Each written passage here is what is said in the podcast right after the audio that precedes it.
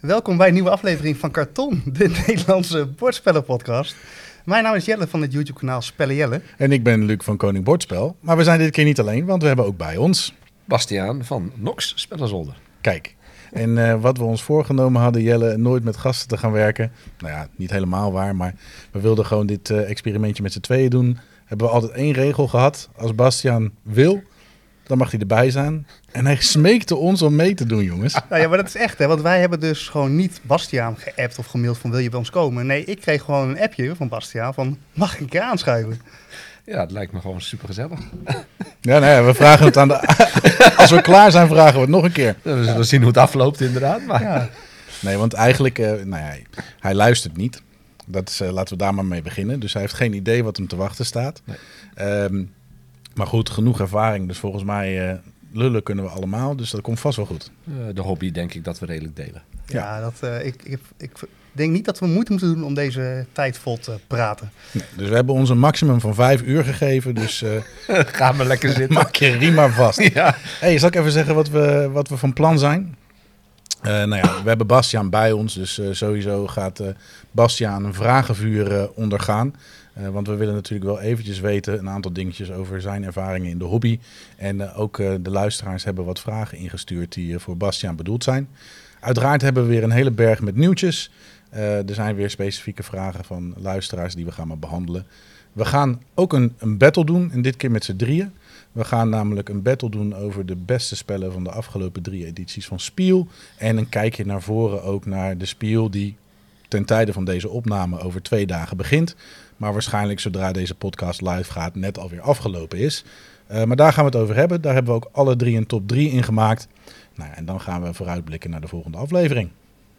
Het kan altijd heel goed, jongen. Dit is echt, we hebben ook een soort taakverdeling. En Luc kan altijd echt ja, perfect opzommen wat ons te wachten staat. Ja. En vind ik ook fijn, want dan voel ik me ook een soort van... oh ja, deze structuur gaan we aanhouden. Heerlijk. Iets met uh, Excel, de boardgame, uh, Hadrian's Wall. Geef dat maar aan Jelle. Precies, ja. maar goed, um, ik, uh, Bastiaan. Ja. Uh, je bent nu te gast bij ons. ten eerste, hoe gaat het met je? Goed, lekker druk, maar we, gaan, we zitten er goed bij. Ja, ik denk dat wij elkaar... Een, nou, inmiddels een jaar of tien geleden ontmoet hebben bij White Goblin Games. Ja. Dat we daar allebei dingetjes voor deden. En nou, volgens mij heb je het nog nooit niet druk gehad, want je nee, bent dat... altijd bezig. Ja, ik kan niet zo goed stilzitten. Maar Daar hebben meer mensen last van. Maar ik doe gelukkig heel veel dingen die ik heel erg leuk vind. Dus dat maakt het ook wel weer goed draagbaar. Oké, okay, nou dat scheelt. Ja, hey, ik ga eventjes een, een, paar kleine vraagjes. Het zijn er niet te veel op je afvuren. geef lekker nou ja, antwoord op instinct. En uh, dan zien we wel wat we eruit komen. Ben je er klaar voor? De hot seat. Laat maar komen. Wat is het slechtste spel ooit? Risk. Oké. Okay. Uh, heb je een YouTube voorbeeld? En zo ja, wie? Um, Watch It Played, Rodney Smith, vind ik heel prettig in de manier waarop hij uitlegt. En heel rustig en strak. Dus die kan ik erg waarderen. En voor de kijkers die al wat langere video's kijken, Drak Drakkenstrike, de, de oude uitlegger, die maakt dus ook mooie filmpjes. Oké, okay, nice. En uh, nou ja, je bent al een aantal jaren jurylid bij de NSP. Welke winnaar in de afgelopen jaren was jij het eigenlijk niet mee eens, maar de jury gaf toch de doorslag? Dat klinkt bijna als een gewetensvraag. um, dat vind ik een hele goeie. Ik moet zeggen, er is geen één titel waarvan ik zeg ik ben het er niet, niet mee eens. Maar er zijn wel jaren geweest dat ik uh, winnaars heb gedacht van... Ja, daar had ik liever een ander gezien. Maar ja, ik heb een wat andere smaak, merk ik, binnen de jury vaak. Dus, uh, nou, geef eens een voorbeeldje. Ja, uh, dat, dat kan ik zo even niet uit mijn hoofd uh, doen. Maar dat is ook dit jaar weer dat ik bepaalde titels van denk... volgens mij hadden dat andere moeten zijn. uit nieuwsgierigheid zonder titels dan. Is het omdat je... Um, in, in welke manier verschilt jouw smaak dan van de meerderheid? Uh, ik ben meestal meer gericht op een goed thema en met een leuk mechanisme, waar soms de drogere mechanismes wat meer punten pakken.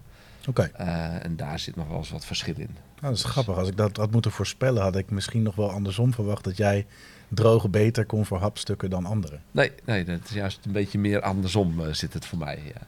Okay. En ik speel natuurlijk ontzettend veel. En dat maakt dat ik vaak ook een wat breder blik heb dan, uh, eh, dan, eh, dan alle andere juryleden. Of dan sommige andere juryleden. En dat is ook terecht. Want ja, ik heb een iets wat eh, uit de hand gelopen hobby. Ja, misschien ook wel mooi toch? Dat je dan dus een groep hebt met ja, mensen met verschillende visies, verschillende eh ja, bordspelervaringen eigenlijk. En eh, dat is misschien wel juist een goede groep om dus ja, uiteindelijk een keuze te maken. Ja, zeker. En dat zal dan niet altijd iedereen precies. Nee, maar dat, ik bedoel, ik kan tot nu toe nog in elk jaar zeggen dat de titels die we genomineerd hebben, dat dat gewoon hele sterke spellen zijn waar je gewoon een hele leuke avond mee kan hebben. Zeker als dat binnen je genre valt. Ehm, en, maar inderdaad, de nominatiediscussies zijn altijd heel erg leuk, want je zult snappen dat een winkelier kijkt op een andere blik, eh, met een andere blik naar een spel dan ik als eh, gewoon spelliefhebber, waarbij ik geen idee heb wat spellen kosten. Eh, en dan snap je dat bepaalde titels voor een winkelier minder aantrekkelijk worden door eh, hoe kan ik ze verkopen aan de klanten. Ja, gewoon het prijsaspect. Ja, bijvoorbeeld. Of kwaliteitsaspect van bepaalde dingen. En dan hadden we natuurlijk vorig jaar Ark Nova als winnaar. Ja. Eh, die zit in een vrij hoog prijsplafonnetje. Eh, maar daar hadden we geen moeite mee om die te verkopen, kan ik je vertellen. Nee, nee daar- die hebben we ook wel weer een heel schattig thema natuurlijk. Ja, ja, nee, dat die- helpt mee. dieren scoren altijd. Ja, ja. Hey, en ik heb nog één vraag over voor je. En dat is een vraag die wij eh, vorige aflevering moesten behandelen. En dat Oh. is, welk spel vinden we goed? Nou, in dit geval, welk spel vind jij goed, maar het hoeft nooit meer op tafel te komen? Dat zijn zulke lastige vragen. Nou, misschien welke komt bij jou niet op tafel, ondanks dat je hem goed hebt gevonden? Ja, kijk, ik heb natuurlijk zoveel spellen. En voor mij is een 7 is een goed spel. Maar daar zitten er echt wel genoeg tussen die niet terug op tafel komen. Omdat ik een absurd aanbod heb. Dus ik, ik vind dat een hele lastige om dat zo on the fly te doen. Omdat ik ehm, altijd last heb met het onthouden van alle titels. Ik heb bijna, ja, wat zou ik zeggen, drie- 3.500 verschillende spellen gespeeld. En daar wil het een en ander me nog wel eens ontglippen. Ja, snap ik. Maar ik heb gewoon, ja, er zijn heel veel spellen waarvan ik zeg ik vind het goed. Want het is gewoon een goed en gedegen spel. Maar ja, ik heb hetzelfde genre een paar stappen beter. Dus deze komt nooit meer op tafel. Ik kan zo niet even met een kant-en-klaar voorbeeld komen. Maar Nou. ja, sorry. Nou, dan heb ik nog wel één vervolgvraag. Want jij zei waar je wel meteen antwoord op kon geven was Risk. Ja. Wat is er zo slecht aan Risk dan? Alles. ja, als je houdt van geluk en oneerlijkheid, ja, dan zit dat allemaal erin gebakken. Ik vind dat spel gewoon in alle facetten ongebalanceerd. Dus je kunt eh, er geen strategie op loslaten. Het duurt veel te lang. Mensen kunnen zich ingraven waar je niks tegenaan kan doen. En, Australië. ja, Australië, Zuid-Amerika, noem het allemaal maar op. Dus, eh, en het is dom dobbelen eh, met, met iets eromheen. Eh, laten we zeggen, er zijn zo vreselijk veel varianten die het al licht een stukje beter doen. En er zijn zoveel spellen die gewoon veel leuker zijn. Eh, en eh, ja, net zoals een, een Monopoly. Ja, daar heb ik dan wat nostalgische eh, wa- waarde aan gehecht. Maar ja, ik word er niet meer gelukkig van. Nee, nou helder. Nee, qua area control, als, dat principe vind ik op zich wel heel erg leuk. ja, maar Small World spelen.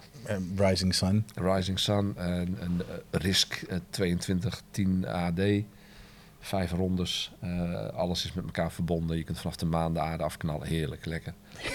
Het is een geweldige variant van Risk.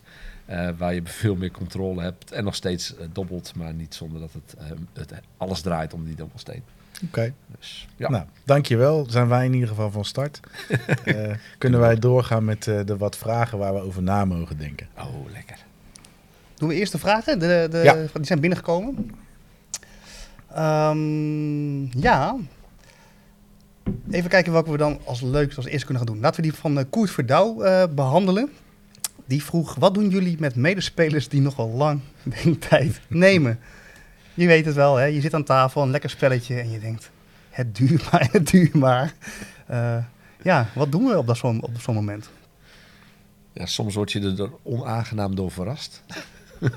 Als je het niet weet, ja, dan is het gewoon, je speelt je spel en dan is het eh, prima. En dan accepteer je dat iedereen zijn eigen manier van spelen heeft. Als ik van tevoren weet dat een speler op zo'n manier speelt, dan kies ik naar spellen die coöperatief zijn. Dan kun je elkaar een beetje mee eh, zeulen. Eh, of spellen met een natuurlijke tijdsdruk, zoals Fuse. Ja, die heb je ook met mij gespeeld toen ik bij jou kwam. Nu weet ik ook waarom. Je dacht, ja, nee, nee, nee, nee, nee. Of toch wel? Maar dat is wel interessant wat je zegt, dat herken ik wel. Zeker als je met een eh, bepaalde spelersgroep speelt die je door en door kent, dan weet je gewoon van, nee, als ik met die mensen ga spelen, ja, er zitten gewoon mensen bij die langer nadenken. En daar kun je dan ook wel het spel op uitkiezen. Dus ik betrap mezelf ook wel eens op dat ik dat dus wel bewust... Ja, ik denk bewust na met welke groep ga ik spelen en wat leg ik dan op tafel. Ja. En als je daarvan weet dat het mensen zijn die lang nadenken, dan eh, kun je daarop anticiperen. Dan heb ik wel begrepen wel eens van Tjara dat zij dus vindt dat ik te lang nadenk over spellen, terwijl ik dat zelf dus niet vind. Dus dat is ook wel interessant. Nou, ik heb met jou ooit een potje Dobbelland gespeeld. Dat duurde lang, jongen. Niet normaal. Ja, maar Luc, dat komt door al die strategische keuzes in dat fantastische spelletje van jou. Het hield niet op. Ja, heerlijk. Ja, maar, dat, ja, maar dat- ik vind sowieso dat je altijd je spel moet aanpassen aan je groep. En niet je groep aanpassen aan het spel. Eh, want ja, dat maakt het spel zoveel leuker. Het gaat erom dat je met z'n allen plezier hebt. En als je weet dat iemand veel tijd nodig heeft, weet ik dat er veel andere spelers zeggen: Oh, het duurde zo lang dit spel. Daar wordt het spel niet leuker van. En heb je met z'n allen gewoon minder schik. Dus dat is wel iets wat ik graag in het achterhoofd houd. Ja, wat- wat nog wel interessant is in die categorie is... Je hebt natuurlijk spellen die we simultaan spelen... waar iedereen zijn ding tegelijk doet. ehm, en waar je om de beurt je acties moet gaan doen. En ik, ik zat erover na te denken terwijl je die vraag stelde... en jij hem beantwoordde. Wat vind ik vervelender? Heel lang op mijn beurt wachten... of simultaan spelen, klaar zijn... en wachten tot de rest ook zover is? Ja, ik weet het niet zo goed. Ik heb het antwoord niet. Ik vind het allebei irritant. ik, denk, ik denk dat mijn reactie op mensen die, eh, die te lang nadenken en dus last hebben van analysis paralysis. ehm, die, eh, nou, ik denk dat ik af en toe wel een klein eh, prikje doe van jongens, schiet eens op. Waardoor het meestal nog langer duurt. Maar ja, en inderdaad, kies bepaalde spellen uit. Maar ja, wij hebben in onze spellengroep, we kiezen om de beurt het spel uit. Ja, als diegene zelf een spel uitkiest waar die zelf last van heeft, ja, dan duurt het langer. Nou, zo so be it. Zo be het. Als je maar een leuke avond hebt. Precies. En die hebben we eigenlijk altijd wel. Maar wat daar nog wel het schepje bovenop is, en ik ga geen namen noemen, maar die persoon die, als die luistert, weet hij dat, dat het hem is. dat is dus iemand die extreem lang nadenkt, die daar lekker ook alle ruimte voor neemt. Hij wint ook vaak, dus het, heeft, het levert hem ook wat op. Stefan. Nee, nee, nee. nou, die, die zou in het straatje passen, maar die is niet degene die ik bedoel. Maar die doet dan dit. Die gaat dan eerst is hij tien minuten aan het nadenken over zijn beurt. En heeft hij dat gedaan. Dan ben ik eindelijk aan de beurt. Dus ik ga beginnen met denken. En dan zegt hij... eh, hey Jelle, hoe sta je op je werk? Weet je wel? Ja. Dan denkt hij, nou, ga ik nu eens even vragen over het sociale leven. Ja, dat kan ik dus niet. En ik denk, ja, nu ben ik eigenlijk aan de beurt. En nu ga je in één keer die vragen stellen. Ja, De afleidingstactiek. Ja. Dan snap ik wel waarom die wint. ik, ik ken er nog een die ook vreselijk irritant is, het type speler. Die pas gaat nadenken als ze aan de beurt zijn. oh ja. ja. Dus dan speel je Wingspan, dan kun je echt al heel veel dingen vooruit spellen eh, en, en eh, zoveel spellen. Maar die gaan pas denken zodra ze daadwerkelijk de beurt krijgen. En dan denk ik, dit had je net in al je downtime al kunnen verzinnen. Dat is ook wel iets wat ik over de jaren meer ben gaan waarderen. Spellen waarbij je inderdaad of vooruit kan denken, zodat je een beetje de, de snelheid erin houdt. Of spellen waarbij je je beurt hele snelle acties bevat. Waardoor je gewoon inderdaad ook die flow erin kan houden. Maar ik ben zelf ook een hele snelle speler. Dus Eh, ja, ik kan me ooit een spelletje met eh Tammany Hall eh, herinneren dat ik heel snel op mijn flikker kreeg. daar heb ik geen actieve herinnering aan. Nee, ik wel. Ik heb daar eh, traumabehandelingen voor. Op mijn kosten waarschijnlijk. Hey, ik heb ook een vraag voor jou, Jelle. Guido, een van onze trouwe luisteraars, die is zelf ook gevangen door het Lorcana-virus. En jij vond het helemaal niks, maar jij bent inmiddels ook gevangen door het Lorcana-virus. Want je bent een paar startersetjes verder. Eh, je hebt ook al een eh, paar startersetjes besteld voor Z2 bij mij, heb ik begrepen. Dus eh, ja, vertel eens, hoe ervaar je dat nou? En ga je dit nou echt blijven spelen? Wat vind je leuk? En ja, wat Ja. is het? Nou, eigenlijk door deze podcast ben ik langzaam toch in de fuik gelopen. Hè? Want ik dacht eerst van, ik wilde er helemaal niks mee. Maar door het enthousiasme van jou, Luc, ben ik dat toch eens gaan, gaan bekijken. Toen ben ik dus op het punt gekomen dat ik dus laatst dacht van, oké, bijna alles is uitverkocht. Dus als ik nog wil instappen, is dit het moment. Toen kon ik nog één, ja, ergens op de laatste plek in Nederland nog de drie starter decks krijgen. Ehm, ja, van ik dacht, dan kan ik dat gewoon eens aanschaffen. En dan ga ik daar gewoon eens mee spelen om te kijken wat het is. Hè? En dat heb ik gedaan. En dat heeft me eigenlijk heel erg positief bevallen. Maar het is een liefde geworden. Het is wel een soort van verliefdheid geworden. Maar ik weet nu al dat het geen liefde gaat zijn met iemand waar ik mee ga trouwen. Het, het zal wat kort, kortstondiger zijn. want, want, want het is... Bam, bam, thank you Lorcana. Ja, Ja, nou, nou ja, samenvattend, hè, wat mijn ervaring is, wat ik echt super vind. Ik ben helemaal geen Disney-fan hè, wat dat betreft. Maar het artwork op die kaarten, super, super mooi. Dus elke kaart is eigenlijk een soort van kunststukje op zich. Ehm, ja, en dat, ik hou dus ook van thema en zo. Mij heb je daarmee. Dus ik vind het artwork vind ik super. Toen ben ik dat is hier op de avond, hè, hier bij Koning Bordspel was er dus een lokale avond, waarin je tegen ja, tegen andere mensen gaat spelen. Ik had het spel nog nooit gespeeld, maar ik ben gewoon hierheen gekomen. Hè, van, nou ik gooi een dekje op tafel en ik ga gewoon eens meedoen. En hoe laagdrempelig het eigenlijk was om gewoon te gaan starten. Kijk, ik ben natuurlijk wel wat gewend, dus ehm, hè, ik weet niet of het voor een gemiddelde speler ook zo snel op te pakken is. Maar het vloeit enorm fijn. Hè? Dus je kunt heel gemakkelijk het lokale spel eigenlijk oppakken. Ik ben ook uiteindelijk eh, gedeeld derde geworden. Hier namelijk wat geluk. eh, eh, nou goed, hè? ik ben derde geworden, laten we Van daarop de houden. drie of van... Nee, er waren wel twaalf mensen zo, denk ik. Oh, kijk. Ja, ja, dus, hè, maar dat deed hij denk ik georganiseerd, zodat ik echt een lokaal na ging trappen. Ook allemaal mensen betaald om je te laten winnen. Ja, ja. Dus toen, ja, dat gaf ook wel een mooi gevoel natuurlijk. Dus Zeker. toen kwam ik al wel een beetje van, oh hè. Maar er zit een groot nadeel voor mij aan Locana en dat gaat altijd zo zijn. Dat zag ik namelijk ook op deze avond. En ook toen ik het later nog wat online ging spelen, want dat kan namelijk ook. Hè. Dan kan je via Pixelborn kan je, eh, eens aan de slag. En het is wel gewoon een spel. Heb je het meeste geld geïnvesteerd, heb je de beste decks, dan veeg je iemand gewoon van tafel. Ja. En daar hou ik niet van. Ik wil wel een soort van gelijke kansen hebben als je een spel begint te spelen. Dus de combinatie van dat ik dacht, oké, die ongelijkheid, hè, stel je voor, ik krijg bezoek thuis, ik leg Locana op tafel en ik kom met een mega deck aan. Ja, die mensen hebben gewoon geen leuk Nee. spelplezier. Het is een beetje zoals alle TCG's. Ja. Nou ja, goed, dit is voor mij de Dus- eerste waar ik dan instapte. Hè. Dus voor mij was het echt wel een nieuwe wereld. Ehm, en ik dacht ook van, ik ga ook niet iemand zijn die al die eh, eh, Boostertjes. boosters ga kopen om een goed deck te maken en dan wedstrijden ga spelen door het land. Maar ik waardeer het voor wat het is. Ik vind het tof. Dus wat ik doe, ik heb die drie starters decks gekocht. Die houd ik ook gewoon zoals ze zijn. Dus ik voeg daar geen nieuwe kaarten aan toe. Ik heb inderdaad de andere twee die nog aan gaan komen, heb ik ook besteld. Nou, dan ga ik ook stoppen daarna, zeg ik nu. maar dan heb ik gewoon vijf dekjes thuis, waarvan ik weet als je die tegen elkaar gaat spelen, Ongeveer even dan is het ongeveer even sterk. Ik kan hem eh, gemakkelijk op tafel leggen. Ik heb toch ja, het eh Locana gevoel. Ik heb een setje dobbelstenen hier ook bij jou gekocht hè, om de schadefiches eigenlijk te vervangen. Dus dan voelt het wel voor mij een soort van compleet. En dat gaat het voor mij zijn. Eh, omdat het anders, en dat heb ik ook echt wel gezien. En ook toen ik op internet wat ging kijken. Er zijn echt mensen die wel echt honderden tot duizenden euro's inpompen. Ja, en daarvoor vind ik gewoon een te breed aanbod aan spellen te leuk. Dus dat ga ik niet doen. Ik houd het hierbij, maar het heeft me positief eh, verrast. En ik wil het ook zeker gewoon op dat niveau thuis blijven spelen met mensen die bij mij wel eens een, eh, nou, een potje komen doen. Hm. Heb jij hem al gespeeld, Bas? Nee, nog niet. Maar ik hoor er eh, goede dingen over. En ehm, ja, het, het is gewoon inderdaad een variant op Magic, maar dan veel toegankelijker voor eh, het bredere publiek. Door thema en eh, eh, niet het elkaar aanvallen, maar juist het zelf punten scoren. Ja, da- daardoor voelt hij wat liever. Ja. Ehm, ik ben het overigens niet helemaal met je eens dat een starterdekje geen plek heeft in organized play. Want ik zie in, nou ja, we, we doen eigenlijk elke week een organized play dag. Ehm, daar zijn mensen die gewoon met de starterdekjes mee blijven doen. En ook best gewoon goed kunnen strijden met anderen. Eh, kijk, het is natuurlijk zo als jij echt de perfecte combis gaat zoeken en je wil er vier van elk, want dat is het maximum waarmee je in een deck mag zitten.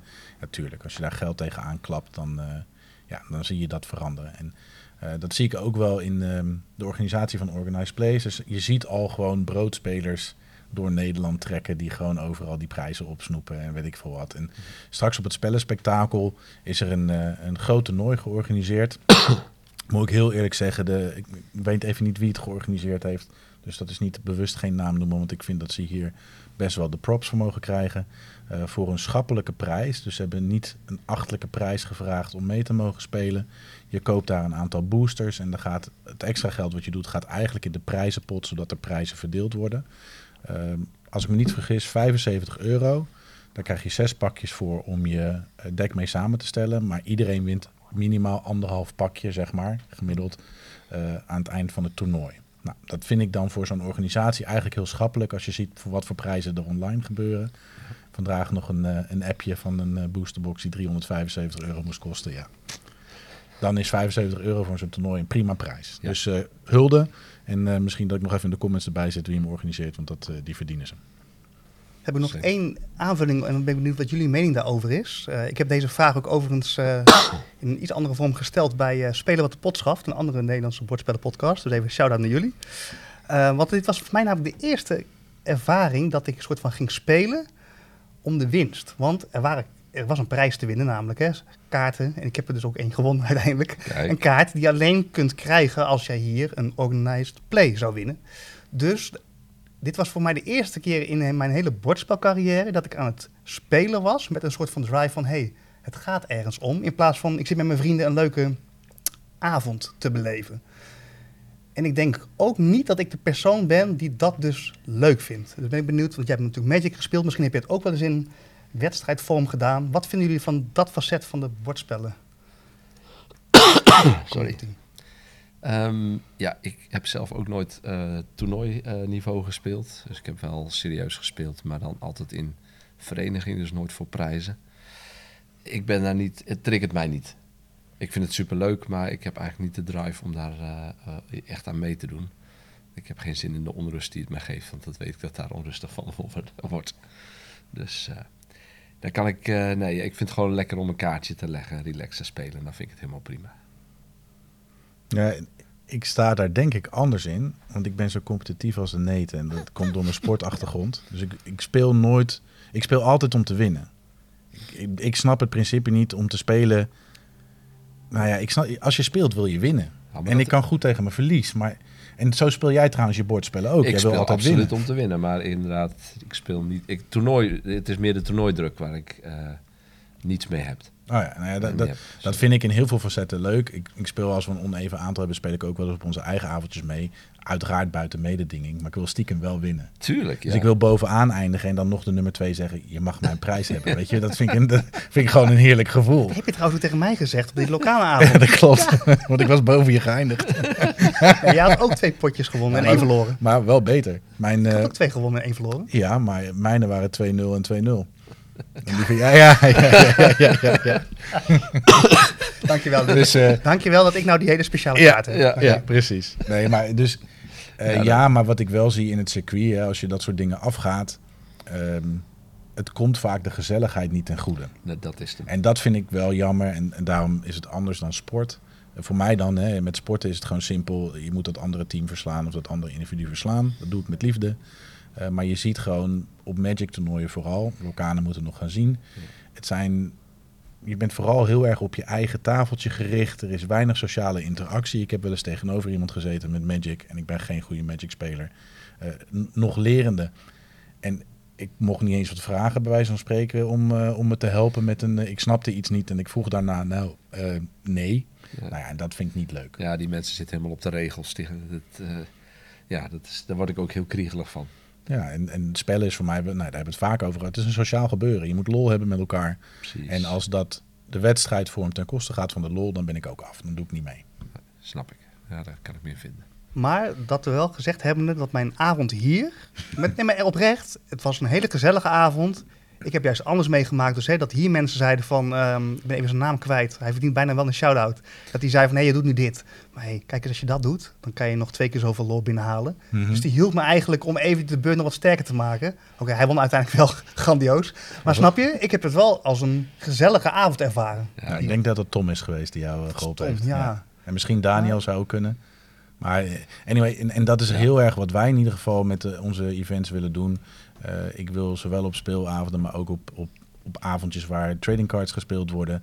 Eh, je komt hier voor de gezelligheid en je moet een beetje kunnen kletsen. En eh, mocht het ooit zo voorkomen dat iemand die sfeer verandert, zou ik die persoon ook aanspreken met de vraag van, joh, dat is eigenlijk niet wat we zoeken. Als je hier wil blijven komen, dan is dit de gezelligheid die we willen. Ja, nou, dat is een mooi thema of dat is een mooie methodiek. Ja. Dan hou je het gewoon inderdaad voor iedereen leuk. Zoals jij dan ook gewoon een toffe avond hebt. Zeker, ja. En dan leer je het spel ook veel beter. En dan geniet je er ook veel meer van. Ja. Ja. Bon, ik heb eh, nog een vraag en die is niet per se van een luisteraar, maar van mij. Eh, wij kwamen elkaar eh, drie weken geleden tegen bij eh, de retailerdag van Asmodee. Jij was lekker aan het demoen eh, en ik was lekker nieuwe spellen aan het bekijken. Eh, wat heb jij nou gezien daar ehm, waar je van je denkt, oh, daar kijk ik naar uit? Ehm, ik heb niet heel veel kunnen zien, omdat ik natuurlijk vast stond bij een bepaalde tent. Maar ehm, oh, ik ben die naam weer kwijt. Het was van AEG volgens mij een nieuwe titel. En dan ging je, eh, elke speler ging zijn eigen krant in elkaar stukken eh, zetten met... Dieren. Ja, met dieren en eh, artikelen en reclame. En je moet dan genoeg stukken erin hebben, maar ook weer genoeg reclame dat je weer geld verdient, maar niet te veel, want dan word je weer eh, een glossy. Ik vond dat concept er heel grappig uitzien. Dat leek me echt wel een spel die heel erg eh, me interesseert. En ze hadden Emerge, dus de nieuwe van Pandasaurus.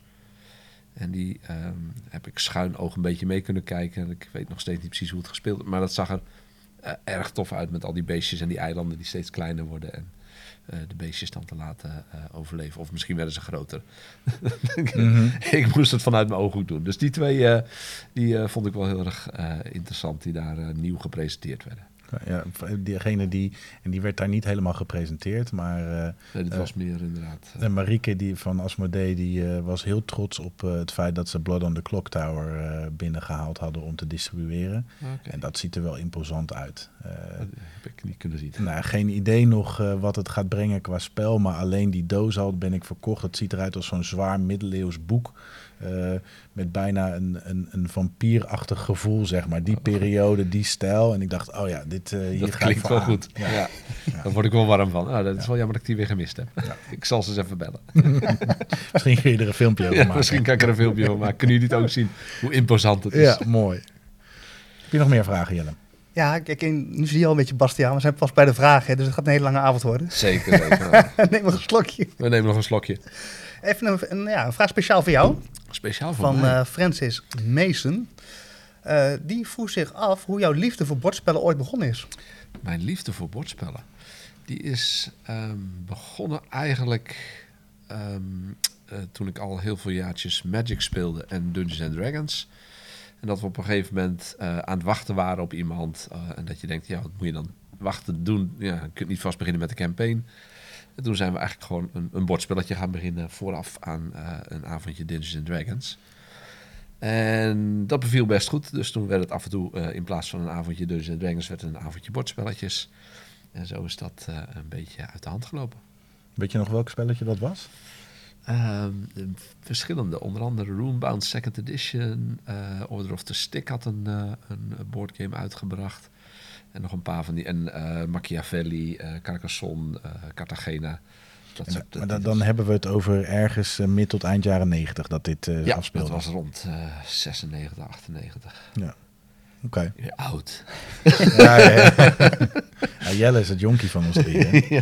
Dat gebeurt niet vaak, dus dat is wel lekker een Ja. keer. Ja.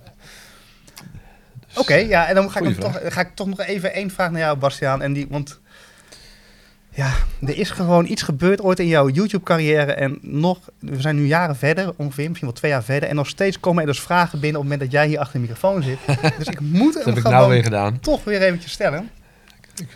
Waarom heb jij ooit het in je hoofd gehaald om een 3 te geven voor June Imperium? Ja, ik was vrij gunstig gezind, dat merk ik. Maar vooruit. Misschien moet ik het wat bijstellen. Nee. ik, ik snap dat daar een, ehm, eh, een duidelijke tweesprong in was. Niet iedereen was het met me eens. En dat vind ik altijd iets wat ik bejubel. Wees het vooral niet met me eens, want mijn mening is mijn mening. Nee, waar ik snoeihard over struikelde bij Dune Imperium... is dat het een, eh een deckbuilder is met worker placement... en dan ook nog eens een keer tight. En dat zijn drie dingen die ik ontzettend waardeer. En dat doet het goed. Je moet elke keer zorgvuldige keuzes maken. Waar gaan mijn workers naartoe? Vooruit plannen. En je maakt je dekje en dan probeer je sterker te maken. Engine opbeelden. En allemaal elementen die ik super vet vind. En dan hebben ze er één element aan toegevoegd om een beetje willekeur eraan te doen. En dat is het dek met gele kaartjes waarvan de naam even ontschiet. Intrige-kaarten zijn dat. De intrigekaarten. En alles wat je doet kan verpest worden. Ik zal het netjes houden voor de podcast. Door dat dek.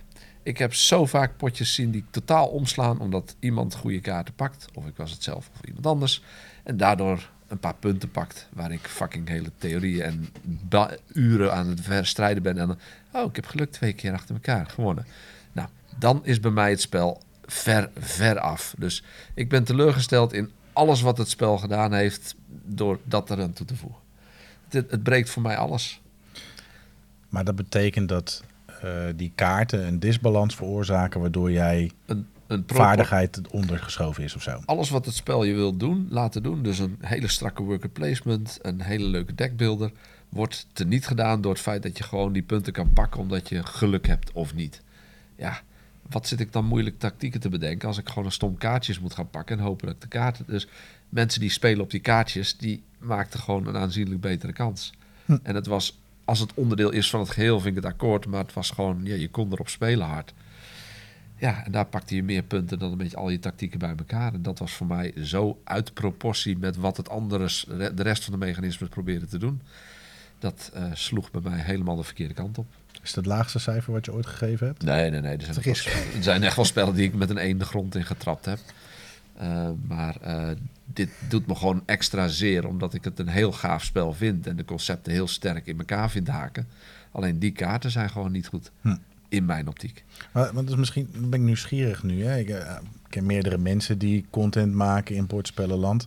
Eh, er zijn bepaalde mensen, ik zal geen namen noemen, maar die zeggen... eigenlijk wil ik alleen maar spellen doen waar ik ook blij van word. Eh, dus die maken de keuze en laten dingen afvallen. Ik noem geen namen. Ik Ja. noem geen naam. Voordat ze content gaan maken. nee, Hij en- zit hier niet aan tafel. Nee, precies. Maar er zijn, er zijn ook mensen die zijn gewoon standaard positief. Maakt niet uit wat ze voor hun kiezen krijgen. Die heb je er ook tussen zitten. Nou, dat vind ik ook ongeloofwaardig. Dan heb je natuurlijk ook nog de, de, nou ja, de laatste jaren de Tom Wessels van deze wereld... die gewoon eh, bijster negatief kunnen zijn over van alles en nog wat. Ehm, hoe, hoe ga jij daar om? Als iemand zegt, eh Bastiaan, wil je alsjeblieft eh, van mijn spel een, eh, een review doen? Ik stuur je een exemplaar op. Doe je het sowieso? Of... Nou, ik, ehm, mijn eh, basismethodiek is als ik een spel ontvang van iemand, dan maak ik een video. Maar ik weet dat ik ondertussen een voetafdruk heb die best groot is. Dus als ik zeg je spel is slecht, is dat niet leuk voor een nieuwe spelontwerper of beginnend spelmaker. Dus dan ga ik altijd in conclaaf en dan zeg ik van... joh, ik heb je spel gespeeld en ik heb hier een heleboel feedback voor je. Ik wil met alle plezier nog steeds een video voor je maken. Maar mijn, mijn mening is niet te koop. Dus ehm, realiseer je dat ik niet voor jou ga zeggen... ik vind het een geweldig spel. Dus dat gaan we niet doen, want dan kan ik al mijn mening het raam uitgooien. Eh, en dat betekent dat ik soms films in de spellen wel gespeeld heb... wel eh, feedback, maar geen video van maak. En nu ben ik ondertussen op een punt dat ik zoveel aangeboden geboden kreeg... dat ik eh, natuurlijk cherrypicking doe. Eh, en dat betekent dat ik de leukere spellen die mij meer interesseren... of meer in mijn straatje passen, eruit haal. Want ik kan gewoon niet alles behandelen. En het gevaar daarbij vind ik dat ik inderdaad ga lijken op iemand die alles maar leuk vindt. En dat is absoluut niet zo. Dus dan ben ik ook super blij met een spel als Dune Imperium, waar ik gewoon echt vreselijk vind. Want dan kan ik laten zien, ik vind dingen ook echt slecht. Maar ja, ik heb beperkt tijd, dus ik speel liever een leuk spel dan dat ik een spel speel waar ik heel ongelukkig van word. Maar ik probeer ze wel af en toe te pakken te krijgen om te laten zien dat ik echt niet alles eh, leuk vind. En de laatste jaren ben ik steeds meer gaan kijken in eh, het perspectief van het spel. ehm, eh, om daar meer het cijfer op te baseren. En daar bedoel ik van een partyspel kun je niet vergelijken met een Brass Birmingham. Dat zijn twee totaal andere concepten gericht op twee totaal andere mensen. Dus beoordeel ze binnen het partyspel of binnen eh, het expertspel categorie. En dat zijn de twee dingen die ik eh, de laatste jaren meer mee bezig ben. Nou, dat kregen wij ook terug trouwens naar aanleiding van de vorige aflevering. Eh, Omdat ik dat, ik zei min of meer hetzelfde. Hè? Je moet voor face value. Als we hadden het over gateway spellen in de vorige aflevering. Ja. Ja, ja de expert speler wordt misschien niet bijster enthousiast van kwakzalvers of een, eh, eh, een, een, een Eldorado. Maar voor de doelgroep waar die voor gemaakt is, is die heel goed, zit die goed in elkaar. Ja. En dan moet je hem ook voor die doelgroep beoordelen, vind ik. Ja, dat probeer ik ook steeds meer te doen. Dus ja, een 7 voor het een eh, en een 7 voor het andere is voor de categorie. Ja, precies. En dat zijn niet spellen die allebei in dezelfde lijn liggen, maar eh, gewoon goed in elkaar zitten. Nou, en, en dat vind ik trouwens, ik noemde net Tom Wessel even de Dice Tower. Hè. Dit, ehm, ik heb het idee dat zij vaak vanuit hun eigen perspectief en hun eigen voorkeuren de spellen bekijken. En dat mag, hè, dat is hun concept, dat moeten ze lekker helemaal zelf weten. Ja. Maar soms vind ik dan dus dat ze, nou ja, Merchants Cove hebben wij eh, op een gegeven moment samen wat mee gedaan. Ehm, die fikken ze helemaal af in hun, in hun video. Ja. Ehm, ik snap wat ze zeggen, maar ik vind dat ze hem wel tekort doen voor wat hij te bieden heeft. En weet je, dat, soort dingen denk ik dat je je altijd wel bewust voor moet zijn. Als je je mening erin slingert, wees inderdaad open voor het feit dat mensen het volledig met je oneens kunnen zijn. Ja. Want smaken verschillen gewoon. Ik, eh, wat ik al zeg, ik juich het alleen maar toe. Wees het vooral niet met me eens. Want mijn video's zijn met name gericht om je, de kijkers een beeld te geven van... joh, lijkt het jou wat? Daarom laat ik die mechanismes zien, daarom laat ik zien hoe je het speelt. En dan heb ik aan het einde mijn mening. Maar die is altijd gekleurd. Ja. Ik roep dus alle luisteraars op om naar de video van June Imperium te gaan en Bastiaan aan te pakken over het feit dat hij hier een 3 voor geeft. Ja. Of, Nou ja, of het gewoon met me eens zijn, Ah, omdat ja, dat je mag weet...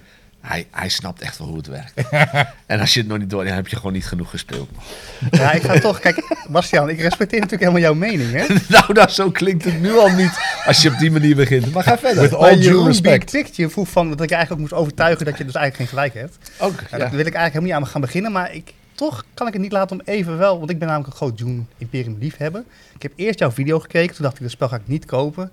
Maar toen ben ik keer toch overstag gegaan, toen dacht ik, ja, nee, gelukkig heb ik, ik luister best wel vaak naar, naar jouw reviews en eh, ja, volg dat ook. Dat heeft me vaak, eh, ja, goede, een goede collectie heeft me dat opgeleverd. Maar ik ben ook blij dat Dune Imperium er is gekomen. Wat? Want als je het hebt over die intrigekaarten, dan is het wel een beetje alsof je in het echte leven geen grenzen aangeeft aan mensen en vervolgens wel vervelend vindt dat ze over je grens heen komen. Want op dat bord is er eigenlijk maar één plek waar je die intrigekaarten kunt gaan binnenhengelen. Dus als jij als speler daar volledig niet gaat komen en zegt, nee, pak maar die kaarten. Ja, en die komen dan met vier, vijf kaartjes eroverheen. Dan heb jij eigenlijk als speler daar te weinig op ingezet en eigenlijk alle ruimte gegeven omdat die ander helemaal in die intriges kon komen. Dus eigenlijk heb je gewoon niet goed je grenzen aangegeven. Oké, ja, nee, dat mag. Ja. Het is me gelukt.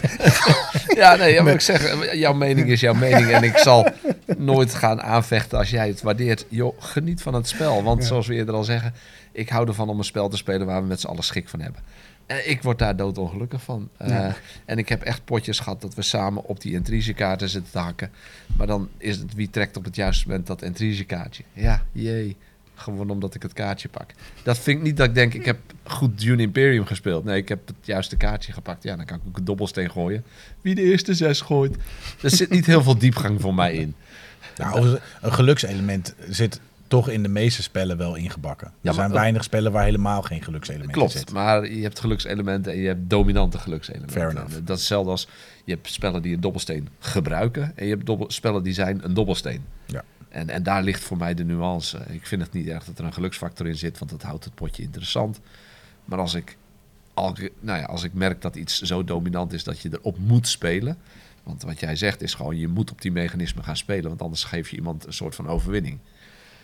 Nou, als je ziet dat iemand heel vaak opkomt, kun je best een keer zelf ook even gaan staan, zodat hij dan wat minder de ruimte heeft om dat te doen. Dat zou kunnen, maar als je... Het is juist zo mooi dat je zoveel kanten op kan bij Dune Imperium. Maar stiekem kun je niet zoveel kanten op. Zodra er één iemand voor... Het, is, een- het doet me Ja, een het beetje... is heel... heel eh, Het doet me een beetje denken aan Deep Sea Adventure. Je gaat de diepte in, je gaat schatten van. Maar zodra de eerste begint te grabbelen, moet je met z'n allen terug. Zodra de eerste aan die intrige kaartjes... moet je allemaal op een intrige gaan zitten. Ja, dan denk ik... Waarom zitten die andere mechanics erin? nou, Wat ik zeg, het, het blijft bij mij in het verkeerde keel gaat schieten, dat spel. Laten we ook bij deze afspreken. Kijk, we hebben het nou nog één keer aangekaart. Ik heb mijn rol gepakt om toch één keer nog proberen te overtuigen. Nou, dat is nu ook... Dat laten we het hoofdstuk nu ook sluiten, ja? Het Imperium hoofdstuk gewoon. Ik zal er nooit meer over beginnen. Eh, ja, dat mag altijd. Maar, maar geniet van de spellen waar je van geniet. Nou, je bent bijna net zo overtuigend geweest als de vorige versus. Want eh, daar had je ons dorp tegen mijn spelletje gezet. En dat heb je ook vet verloren. Dus, eh, Het dorp heeft echt... Heb je alle reacties gezien? Ah, ik, heb houd echt, toch op. ik heb glansrijk gewonnen. nee, echt totaal niet. Echt. Nou, wij gaan naar de uitzending even vertellen. Want Ja, ik heb nee, echt jongen, niet. Er zijn mensen, mensen hebben die... het erop gekocht zelfs. Dat, dat klopt, dat heb ik gezien. Eén iemand heeft Marktplaats afgestruind. Maar voor de rest waren de mensen die zeggen... Houd toch op met je virtuele bril in ons dorp. Het meest platte spel wat je kan hebben. Houd toch op. Ik heb gewonnen. Anyway, we gaan door. Ik weet niet welke droom dat was die je eh, hebt gehad. Maar... Oh, heerlijk. Hebben we nog vragen? ja, ja, laten we er nog even één behandelen. Dan ehm, ehm, even kijken welke we dan het beste nog kunnen nemen. Ehm, ja, Arend Jan Noord. Hebben wij een spel, of hebben jullie een spel, wat eigenlijk heel erg oud is, hè, dat zeg maar echt stoffig in je kast staat, shelfware, kleuren verschieten, dat je echt denkt van nou, voor het uiterlijk hoef je niet meer te doen, maar dat je tot op de dag van vandaag nog steeds wel eens op tafel legt, dus dat je die blijft spelen. Ik kan er wel een bedenken, jij? Ja, ik ook wel. Ja? Ik, het, het grappige is dat ik net een verse heb opengemaakt. Omdat die eh, helemaal eh, stuk gespeeld was. En dat is het spelletje Vijf Augurken. ja. En, Maar je weet zeker dat het niet het boodschappenlijstje was van nee, nee, Charlotte? nee, nee, nee, nee. dat weet ik Stond er zeker. een pak melk en drie worstjes bij. Nee, maar vijf augurken is een super simpel slagenspelletje waar het eh, allemaal gaat om eh, niet de laatste slag te winnen, want dan krijg je het aantal augurken wat op de kaart staat waarmee je de slag wint. En die is door White Goblin uitgegeven.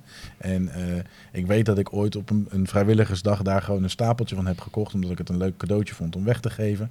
En eh, mijn versie die was zo ontzettend stuk gespeeld. Ehm, of tenminste, er was gewoon heel erg duidelijk dat hij gebruikt was. Dus alle hoekjes van het doosje waren klaar. De kaarten waren niet meer wit aan de zijkant, maar bruin. En ik had die meegenomen op een spelavond op de hogeschool. En een van mijn studenten zei, oh, dit vind ik echt een leuk spel. Ik zeg, nou, hier mag je mijn kopietje hebben. Eh, die was zielsgelukkig. Ik kreeg zijn kopie van Skull ervoor terug. Eh, was ik weer heel erg blij mee, want dat vind ik ook een tof spel. En toen vond ik, eh eergisteravond wilden wij een spelletje doen. En toen vond ik er nog eentje in het plastic. In mijn laadje denk, oké, die gaat open. Want White Goblin is gestopt met hem uitgeven. Oh ja. Dus dat is voor mij een spelletje die, die, die blijft komen. En ook deze nieuwe versie zal op een gegeven moment ook bruin worden. Vijf augurken, heerlijk. Ja, ik heb, dat, ik heb er een paar. Take 5 is er zo eentje. Die is bij mij echt helemaal aan, aan vlokken gespeeld. Nou ja, het blijft nog steeds een heel erg leuk eh, spelletje. Omdat je het ook met grote groepen kan spelen. En dat gaat net zo hard. En bokken schieten. Dat is ook zo'n een oud 999. Hij komt weer opnieuw uit, zag ik. Maar die eh, had ik zo kapot gespeeld dat ik ergens tweedehands er eentje zag liggen. En dan weer gekocht. En kon ik weer doorgaan. Ik denk overigens dat mijn Take 5 ook bruin is van het spelen. Ja, dat is, Ja. herken je gewoon niet meer terug. Nee. Heb jij er zelf een, Jelle? Ja, bij mij is het toch echt wel regenwormen. Dat is, eh, ja, die is, ja. Maar dat is ook zo'n spelletje, ja. Die blijft gewoon geregeld nog wel weer eens op tafel komen. Zeker als je bijvoorbeeld ja, mensen over de, vloer, over de vloer hebt gehad. Nog niet eens voor specifiek een spel. Maar je wilt toch nog eventjes de avond afsluiten met een spelletje. Ja, regenwormen. Dobbelstenen zijn ook allemaal wit. Ja, ja. Daar zitten toch die regenwormen op, ja. ja. Ja, ik, ik heb zo'n vriend, Martijn, en die, eh, die wrijft altijd die dobbelstenen zo tussen zijn handen. Dus die slijten supersnel. Dus zijn versie van Dobbelland zie je echt niet meer welke kleur het is. Dus eh, dat soort dingen. Heb jij trouwens wel eens een video gemaakt van regenwormen? Ja, zeker. Ja, heb je die, die spelregels goed gelezen? Eh, ik heb heel veel moeten lezen. Ja, want ehm, je weet dat als je een steentje afpakt van een tegenstander, dat je daarbij een geluidje moet maken, toch? Dan moet je, als je, je gooit exact het cijfer van wat degene bovenop zijn stapel heeft liggen, dan mag je hem ook afpakken Dat- in plaats van uit de rij. En dan moet je het geluidje maken. Heb je dat gelezen of Het niet? zal een hele kleine print zijn geweest. dat staat er bij mij niet meer in. dus. Dus overigens, Jelle heeft me daarmee aangestoken. Iedereen die ik nu regenwormen aanleer, die leg ik deze regel uit. Dus dat verspreidt zich als zo'n olievlek. Ik heb dat ook, eh, zelfs op vakantie dus, hè, laatst in de Ardennen, mensen die, ik, eh, die regenwormen aan het spelen waren, hebben het ook gezegd. Dus langzamerhand begint iedereen inderdaad. Ik zal het even redubben in de video. Ja, ja.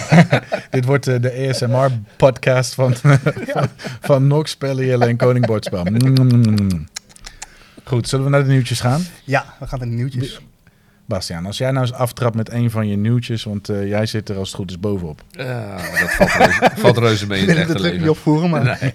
nee, ik heb toevallig vandaag een berichtje gekregen van Jumping Turtle Games. Dat zij eh, ehm, eh, Shipyard opnieuw gaan uitbrengen. Van eh, de oude versie van CG CGE.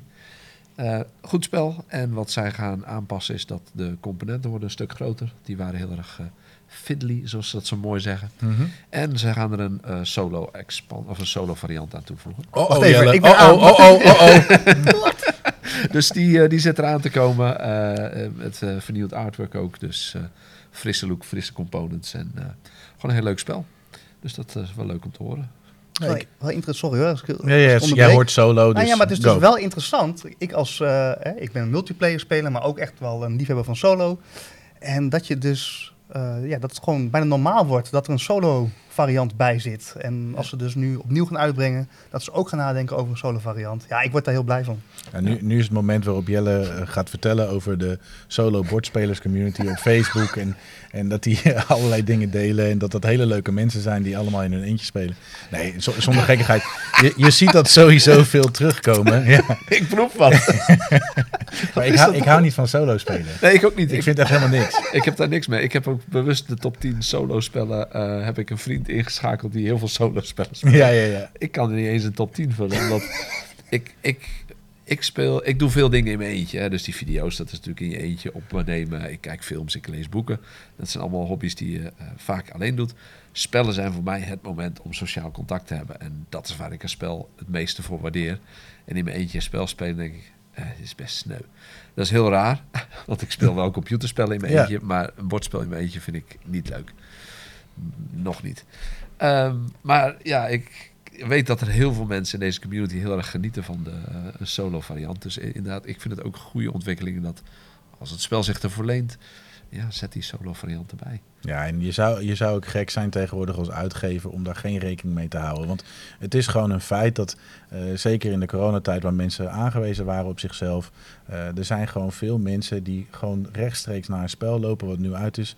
Oh, het is vanaf twee spelers. Ja, dan voeg ik hem niet aan mijn collectie toe, want dan komt hij te weinig op tafel. Ja, ja, ja. Dus, eh, en ook hier geldt weer voor hè, de doelgroep. Wij vinden het allebei gewoon niet leuk. Ik heb mijn best gedaan voor onze podcast over solo spelen. Heb ik echt geprobeerd. Ehm, maar ja, ik wil socializen. ja, ja. Dat eh, herken ik meteen. Ja, Had ik al verteld over die Facebookgroep? Wordt een gezellig lid. ja. Is wel, is We wel, nog een shout-out geven. Even zonder gekkigheid. Het zijn wel communities waar je elkaar kunt vinden, je elkaar kunt inspireren. Het is helemaal, Ja. helemaal goed. Het is fantastisch, want er is eh, ook in de solo board game is er zoveel te kiezen momenteel.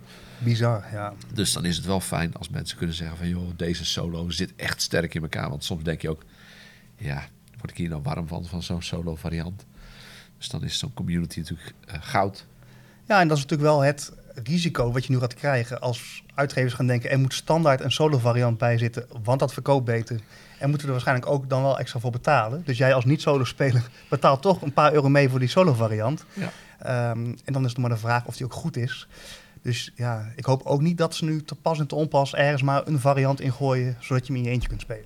Uiteindelijk overwint kwaliteit. Ja. In ieder geval, kijk, ehm, eh, ik heb het vaker gehad over de smeerolie vanuit een winkelperspectief. Hè. Eh, eh, ook de spellen die wij plat spelen, zoals een Take 5 of een Regenwormen, dat, een Quicks, ehm, nou ja, noem, noem het maar op. Lama, dat is de smeerolie van de winkel, want dat is voor iedereen toegankelijk. Ehm, dat zijn niet de spellen die per se 100 jaar bestaan of die de, de community die naar dit soort dingen luistert zal behagen. Nee.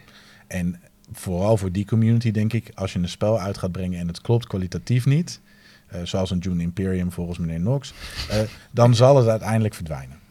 Ja. Als Jelle ze niet allemaal opkoopt. Nee, ja, precies dat. hey, ik heb ook in de categorie, er gaan nieuwe spellen aankomen. Ehm, heb ik eentje die ik net nog niet met jullie gedeeld had, maar die kwam ineens weer boven. Eh, Undaunted eh, gaat de ruimte in. Dus die Oh. hebben aangekondigd dat de nieuwe Undaunted een, een space battle gaat worden. Ehm, wat ik daar al van gezien had in de community is dat het best wel een, eh, een dingetje is. Want het is natuurlijk een spel wat gericht is Ja. op de, op de daadwerkelijk historische eh, slagen die er geweest zijn in de oorlog. Ehm, en nu gaat er een fictieve battle eh, aan toegevoegd worden. Dus ik ben benieu- heel benieuwd wat dat gaat worden, wat dat gaat doen en of het interessant is. Ja, interessant, ja. Grappig. Heb, je, heb, jij Undaunted veel gespeeld of niet? Niet veel. Ik heb eh, Afrika en nog een andere gedaan. Ik vind het leuk, maar het is niet mijn kopje thee. Jij Jelle? Nee, ik heb niet gespeeld. Is voor mij ook wel solo goed te spelen trouwens. Voor mij is het 1 à 2 spelen wel echt Ja. bedoeld. Ja. Ja. Nou. En jij? Nou ja, dan is het eigenlijk een nieuwtje die ik bij jou op je Facebookpagina las, eh Bastiaan. En eh, ja, ik ga toch even gebruik maken van dit moment om daar wat meer eh, informatie uit te trekken. Wordt nog eens beroemd, ja. Nou ja, maar ik zat dus laatst... Ik zat dus serieus, ik dacht van ja, je komt natuurlijk nu in de podcast hier vandaag. En toen had ik deze gedachte flart. Ja, ik ga hem gewoon even delen.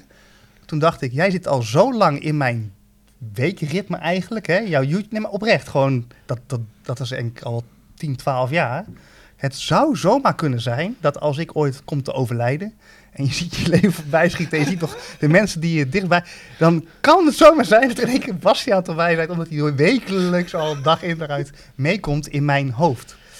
Ehm, dat wou ik even delen. ik weet niet of het zo is. Ik voel me vereerd. Ik kan het denk ik ook niet navertellen of het gebeurd is als het eenmaal zover is. Dat Nou lukt ja, me ook niet. Stuur maar een kaartje. Ja. Maar dat gezegd hebben we, in al die jaren is het mij nog, heb ik nog nooit iets van merchandise bij jou kunnen kopen of iets hè, waarvan ik dacht, hey, tof wat hij doet, ik wil daar wel iets eh, mee supporten of aantrekken. Hè. Was het niet. Maar er komt verandering in. Daar komt zeker verandering. Ja, leuk. Eh, het is ambitieus, maar ik denk, eh, ik vind het leuk om eens een keer... Nou, wat jij zegt, ik heb die vraag meer gehad van... joh, kan ik een shirt of iets kopen? Lijkt me leuk. Ehm, en ik ben zelf erg tevreden met het nieuwe logo en de vormgeving die eromheen zit. Dus Ik ben heel druk bezig op dit moment inderdaad met merchandise. Ik heb vandaag nog contact gehad met uh, degene die de shirts aan het uh, drukken is. En ik heb de eerste uh, afbeeldingen. En ik hoop deze week de shirts. En um, er komt ook een petje en er komt een mok. Ik ga even klein beginnen. die komen er en die wil ik dan gewoon gaan aanbieden. dus dan kun je je eigen Nox shirt, pet of mok opzetten. Um, je moet zelf nog een beetje wennen aan het idee. Ja, ja en uh, dat vind ik super grappig. en wat ik vooral leuk vind is, uh, ik ben heel benieuwd hoe het gaat lopen. Ik heb echt geen idee. Ik, uh, ik hoop dat mensen het leuk vinden om te dragen. En anders is het leuk om het te proberen. maar wat ik vooral heel erg voor mezelf leuk vind aan dit project is dat als het een beetje loopt en of niet boeien. Um, ik heb al een paar artiesten op het oog die dan custom artwork gaan maken. Dus dan komt er een periode één shirt met custom artwork en dan kan ik dat soort leuke dingen doen. En dat vind ik zelf heel leuk. Ja, het is gewoon super tof. Ja, dus dat lijkt me gewoon Ik weet nog toen je overging naar het nieuwe logo en uh, je hebt hem nu uiteraard ook aan uh, voor de kijkers op YouTube. Ja, dat was gewoon echt wel een, uh, een revamp. Dat was echt wel, dat kwam binnen. Ook je intro van, van je video's waren ineens nog ja, ja dat, dat, je zag gewoon de, de professionaliteit die je eigenlijk al ontwikkeld had, ook in dat soort dingen terugkomen. Ja, ja dus dat zijn, dat zijn uh, een nieuwe, het is weer een nieuwe mijlpaal. Het is ook wel heel spannend, want ja, ik wil gewoon dat het allemaal soepel loopt. En ik heb eigenlijk niet de zin dat ik thuis een hele kledingwarenhuis ga worden. Dus ik ben heel erg druk bezig met iemand die productie en distributie in één doet. Zodat je gewoon eigenlijk altijd voorraad hebt en altijd alles kan bestellen. En dan hoef ik daar uh, minimaal werk aan te hebben. En hoe gaan we die merch noemen? Merch. ik dacht, ik dacht Nurch. Oh ja, Nurch. Nox merch. ja. Nox Nurch. Nox Nurch. Uh, ik heb er nog geen vaste naam voor. Maar, okay. uh, ik, ik uh, misschien doen we er een polletje op.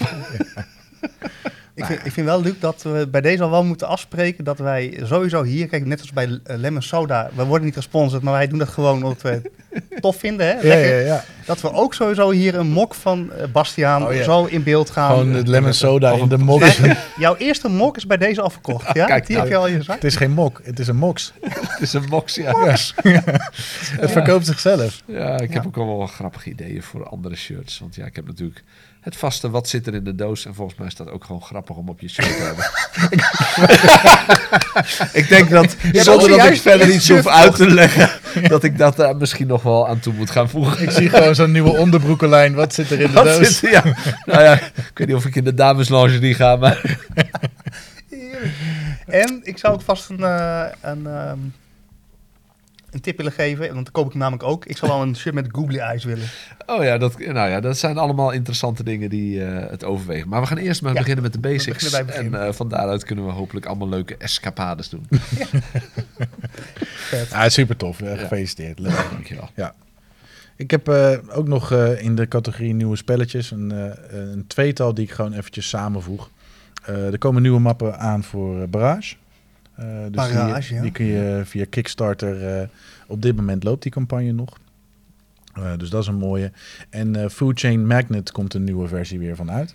En nou ja, dat, het grappige was toen we dat voor bespraken, zei Jelle, ik snap niet helemaal waarom. En jij zei, ik wel, want. Ja, het is een spel wat gewoon ja, door elke spelexpert de hemel in geprezen wordt als de perfecte amalgatie van verschillende mechanismes. Zo strak, zo tight en zo veelzijdig. Uh, waar Splotter natuurlijk ook wel bekend op staat om ontzettend knappe spelmechanismes te maken. En qua vormgeving was het oké. En het krijgt nu dus een hele mooie nieuwe uh, revamp in vormgeving en uh, nieuwe kaartjes en alles strak. En ja, ik denk als jij liefhebber bent van dat spel, dat dit iets is om zeker naar uit te kijken. Nou, je zegt vooral, het, het is gewoon goed gebalanceerd. Het is, het is zeker geen June Imperium. Nee. Net niet. Nee, het is een viertje. Nee, het is, gewoon, het is echt een knettergoed. Het is gewoon knap. En zeker als je er ook vanuit een wiskundig perspectief naar gaat kijken.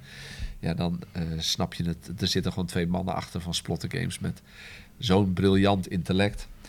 Uh, waaronder, ik vergeet altijd zijn achternaam, Jeroen uh, dacht ik. Maar degene die achter uh, de Nederlandse versie van uh, Pandemic zit, dus Rising Tides.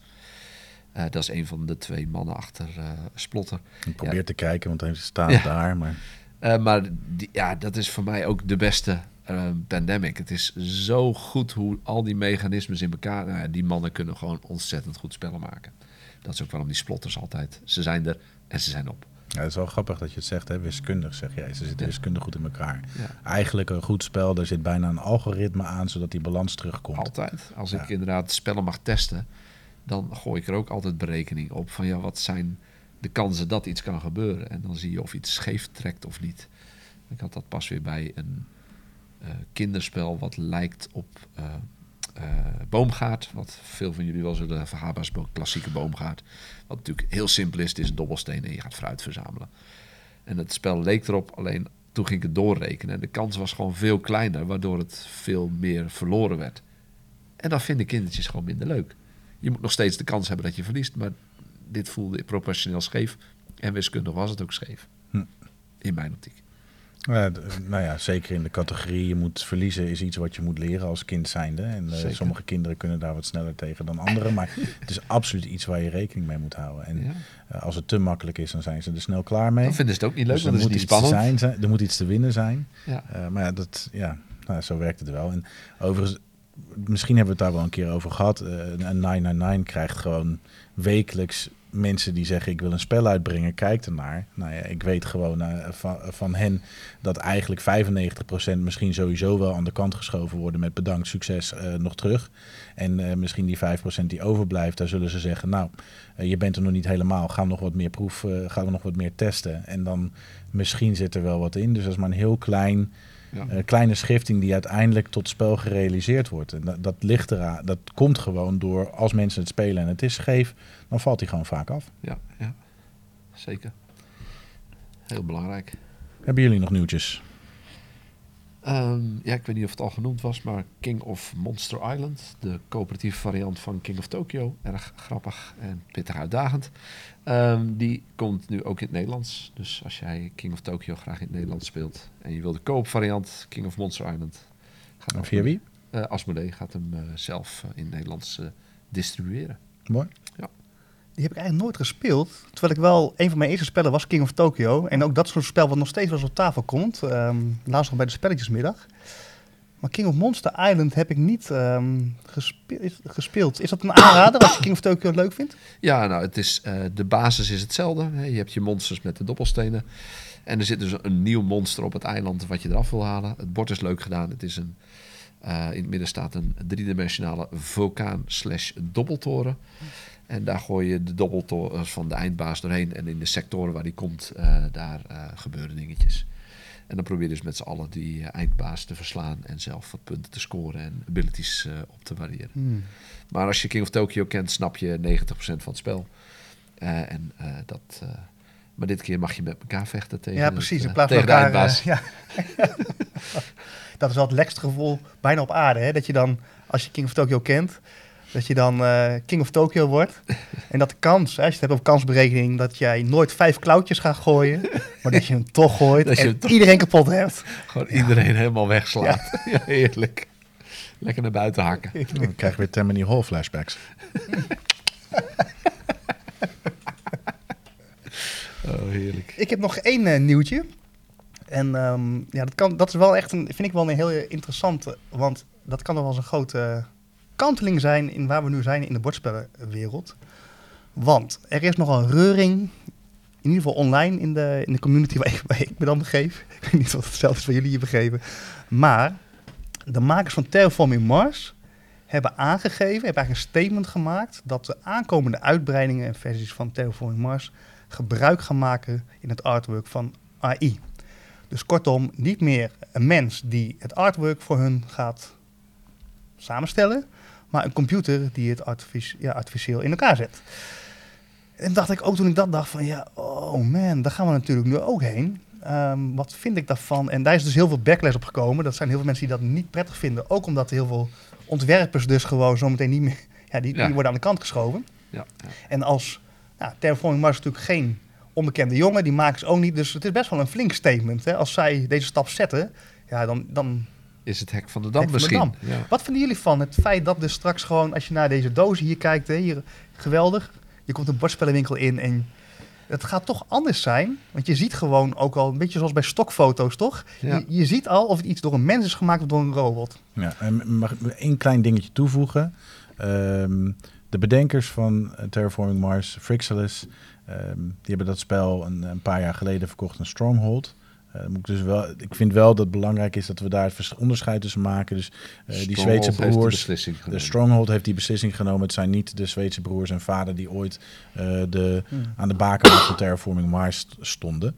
Dus het is de, de Big Fish Stronghold Games die zo'n beslissing neemt. En ik denk dat die daardoor ook nog gevoeliger ligt. Dat zal eh, absoluut in meespelen. Ja. ja. Ik ben het in die zin eens met eh, eh, artificial intelligence gebruikt natuurlijk een database.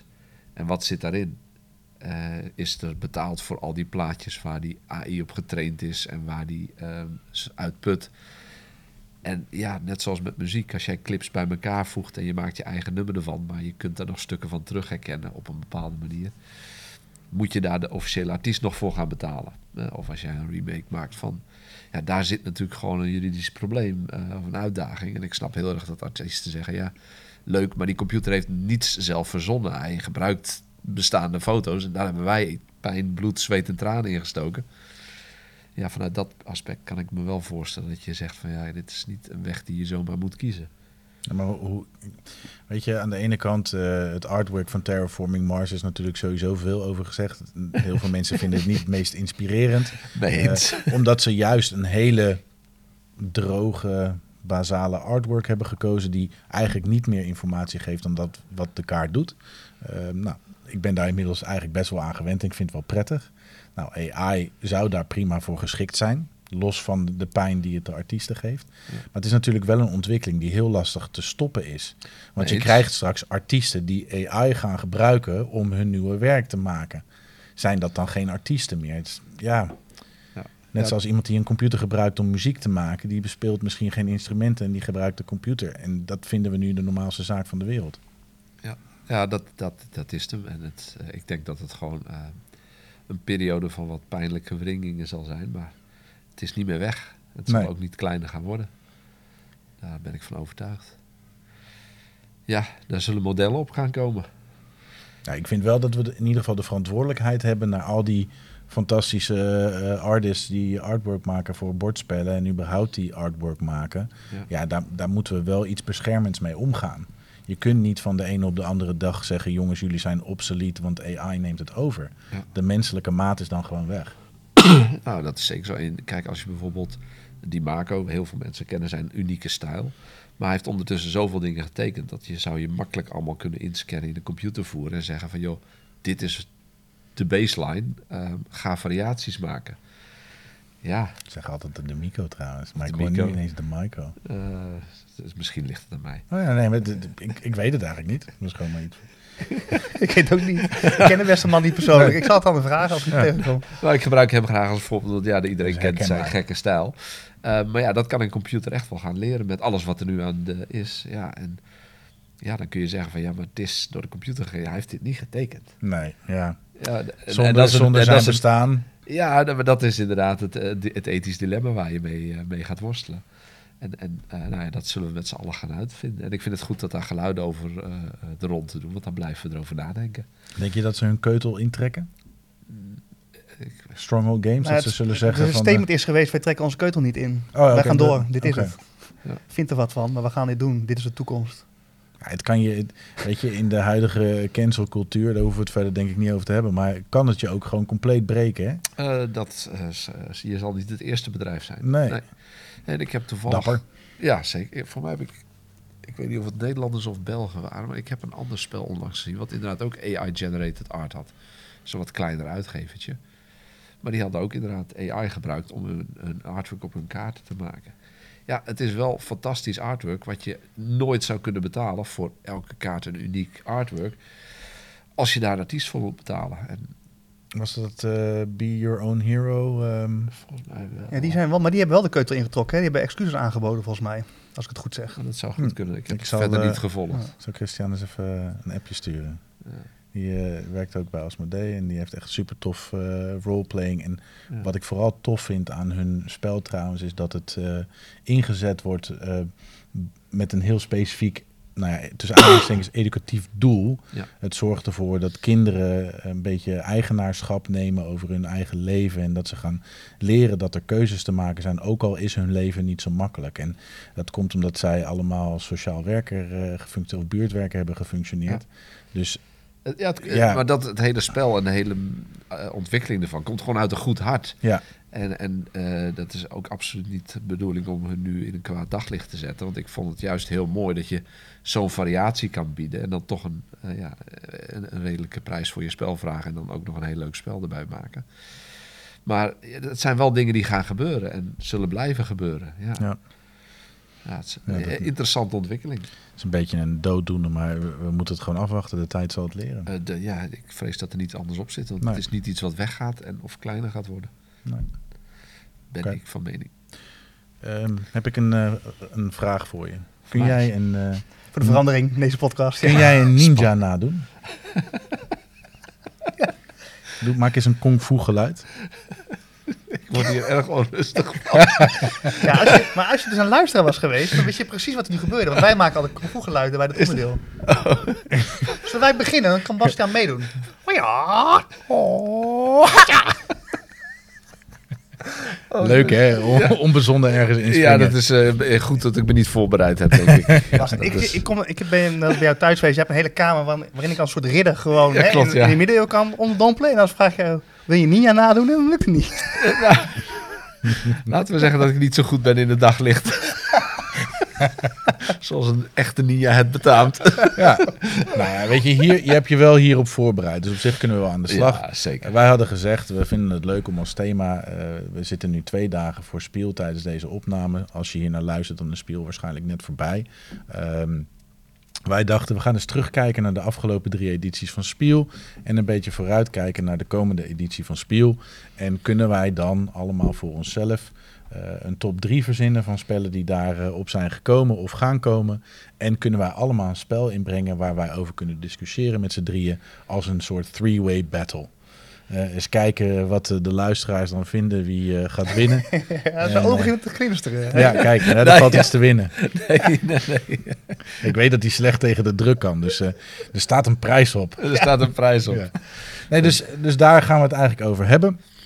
En nou ja, we hebben het niet eens, ik heb niet eens gehoord wat de spellen zijn die jullie in wilden brengen voor de battle. Dus Jelle, wa- wat heb jij meegenomen? Nou, ik wil eventjes één vraag stellen, gewoon voor mijn eigen tijdlijn in mijn hoofd nu, voor wat we aan het doen zijn. En misschien ook handig voor de luisteraar om die duidelijkheid te scheppen. Ehm, we hebben dus een top 3 van de afgelopen nou, edities van Spiel, hè, welke we dan het beste vonden. Ja, We hebben toch ook een lijstje gemaakt met die we verwachten, hè, waar we naar uitkijken voor de aankomende Spiel. dat Mhm. lijstje heb ik in ieder geval al gemaakt. Ja.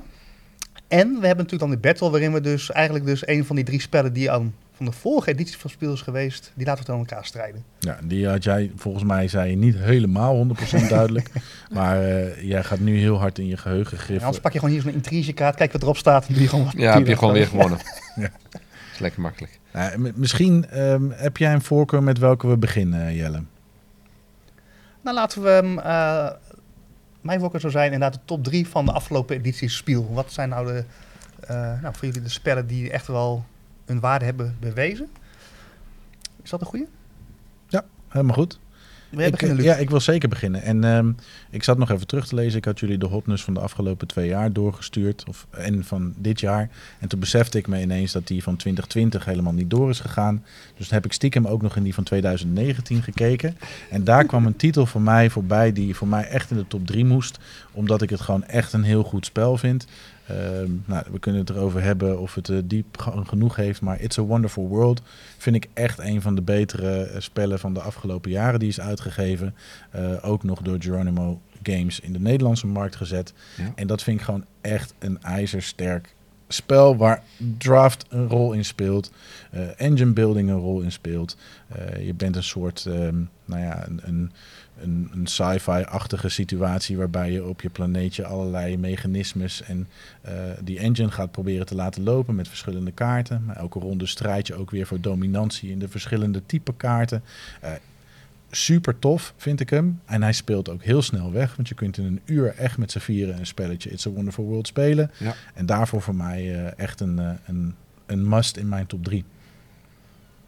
Ja, mooi. Ik vind het, ja, het is ook een van mijn eh, favorieten. Al, eh, die komt altijd hoog op mijn lijstjes eh, terecht. Ja. En wij hebben ooit de andere versie bij jou gespeeld. It's a Wonderful Kingdom. Ja, de twee-speler variant. Ja. Ja, maar ik moet zeggen dat de schoonheid van It's a Wonderful, Ki- Wonderful World, ja, ik kan dat niet anders dan beamen. Die heb ik ook nog steeds gewoon in de kast staan. Blijft gewoon een heerlijk spel, omdat hij zo toegankelijk is. Ook met mensen die vrij minder ervaren zijn, die kunnen hier eigenlijk al gewoon lekker schik in hebben. En een beetje knutselen met die kaartjes. Ja, het voelt eigenlijk als een gateway, min of meer. Maar Ja, toch ook voor mij dit- interessant genoeg. Precies, het is een gateway die eigenlijk stiekem al drafting doet en eh, engine building en wat, gewoon wat zwaardere mechanismes vaak.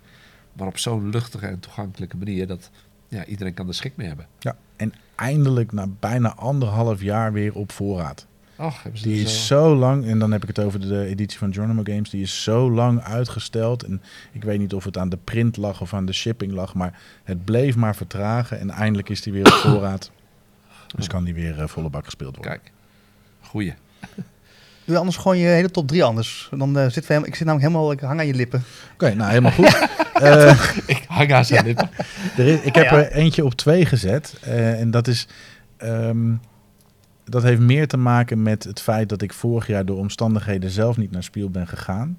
En dat de hype rond dit spel op Spiel groot was. En dat is Woodcraft. Ah, ja. En ehm, die zit ook gewoon wel zo ontzettend leuk in elkaar. Stiekem best wel een heel complex spel. Zo. Eh, toen ik die uitgelegd kreeg, dacht ik: oh, wacht even. Eh, eigenlijk wil ik nog een keer naar die hele uitleg. Nog een keer terug. Ja, kunnen we nog een keertje doornemen? Want er zitten zoveel kleine haakjes aan. Ja. Letterlijk waar je je bruggetjes moet slaan naar het volgende mechanisme om uiteindelijk je punten te gaan laten lopen. En dat vond ik gewoon zo'n tof spel. Hij ziet er gewoon gaaf uit. Een, een thema wat ik eigenlijk nog nooit eerder had gezien. Ja, Eh, dobbelstenen zagen. Ja, ja, dat, nou ja, gewoon überhaupt gewoon. Het, ik vond het zo'n tof in elkaar zittend spel dat ik die op eh, de tweede plek gezet heb. En eigenlijk kan het niet anders. Ondanks dat ik een, voorgaande aflevering van ons misschien een beetje ondermijn. eh, maar vorig jaar ook eh, Heat. Ja, eh, hij staat bij mij op eh, nummer 1. En dat komt ook omdat ik het spel wat ik voor de battle gebruik uit mijn top 3 heb gelaten. Eh, maar Heat is, ja, dat, hij slaat voor mij aan als Formule 1-fan. Eh, hij slaat aan gewoon in de serie van de, de decks die je moet, moet laten afkoelen en dergelijke. Ik vind hem zo goed in elkaar zitten. Het is dat ik geen tijd heb om die Championship mode aan te gaan, maar dat wil ik ook echt heel graag gaan doen. Zodra ik weer een beetje lucht heb, ga ik daarmee aan de slag. En mensen die al vanaf de eerste aflevering luisteren, die weten ook gewoon van, oh, de cirkel is eindelijk rond. Want we hebben dus een battle gedaan. Ik Heat, hij Flam Rouge. En nu komt hij bij aflevering 8 toch eigenlijk wel weer bij me terecht van Jelle, je Ik- had gelijk. Ik snap het, ik zit ertussen, dus het is een soort van veilige barrière. Ja, ja, Daarom hebben we jou ook uit- Jij uitgenodigd. kan er niet gelijk terugslaan. oh, heerlijk. Ik heb dus wel ehm, solo de championship, ik heb alles erop en aan gespeeld. Dan wordt hij echt, hij is al goed hè, om te beginnen, eh, Heat. Maar als je eh, nou ja, variatie brengt en je kunt je eigen auto tunen per race. Hè, dus door de basiskaarten, drie daarvan te vervangen met andere kaarten. En dan ook nog de weg aan te passen en punten te kunnen verdienen. Het is subliem. Echt, hij wordt nog beter als je alles gewoon op tafel gooit. Ja, en, en, en kijken hoe Sebastian reageert of hij een goed pokerface heeft. Eh, maar eh, voor mij de gedoodverfde winnaar eh, dit jaar in de categorie voor het NSP. Oh, ik zal proberen zo'n 1000 mile star ster. ik heb geen idee, Nee, heel goed. Dat is ook het enige antwoord. denk ik. kan ook zijn dat ik dingen vergeet. Ik van dit jaar. Ja, ja, ja. ja. Maar die doet mee toch dit jaar? ja, Er werd gezwaaid weer door we hebben fans. ja, ja, ja. Ja, echt. Ja. Super. Kijk, jij ziet dat nooit, was bij jouw video's, want jij zit alleen op je Ja, ik zit hier, gewoon live mensen- fans. Ja, we hebben, Ja, laatst ja. hadden we zelfs acht vrouwen voor het raam. Ja, we zullen Toch? vragen Ja, zeker. stoppen met de deur likken. Ja.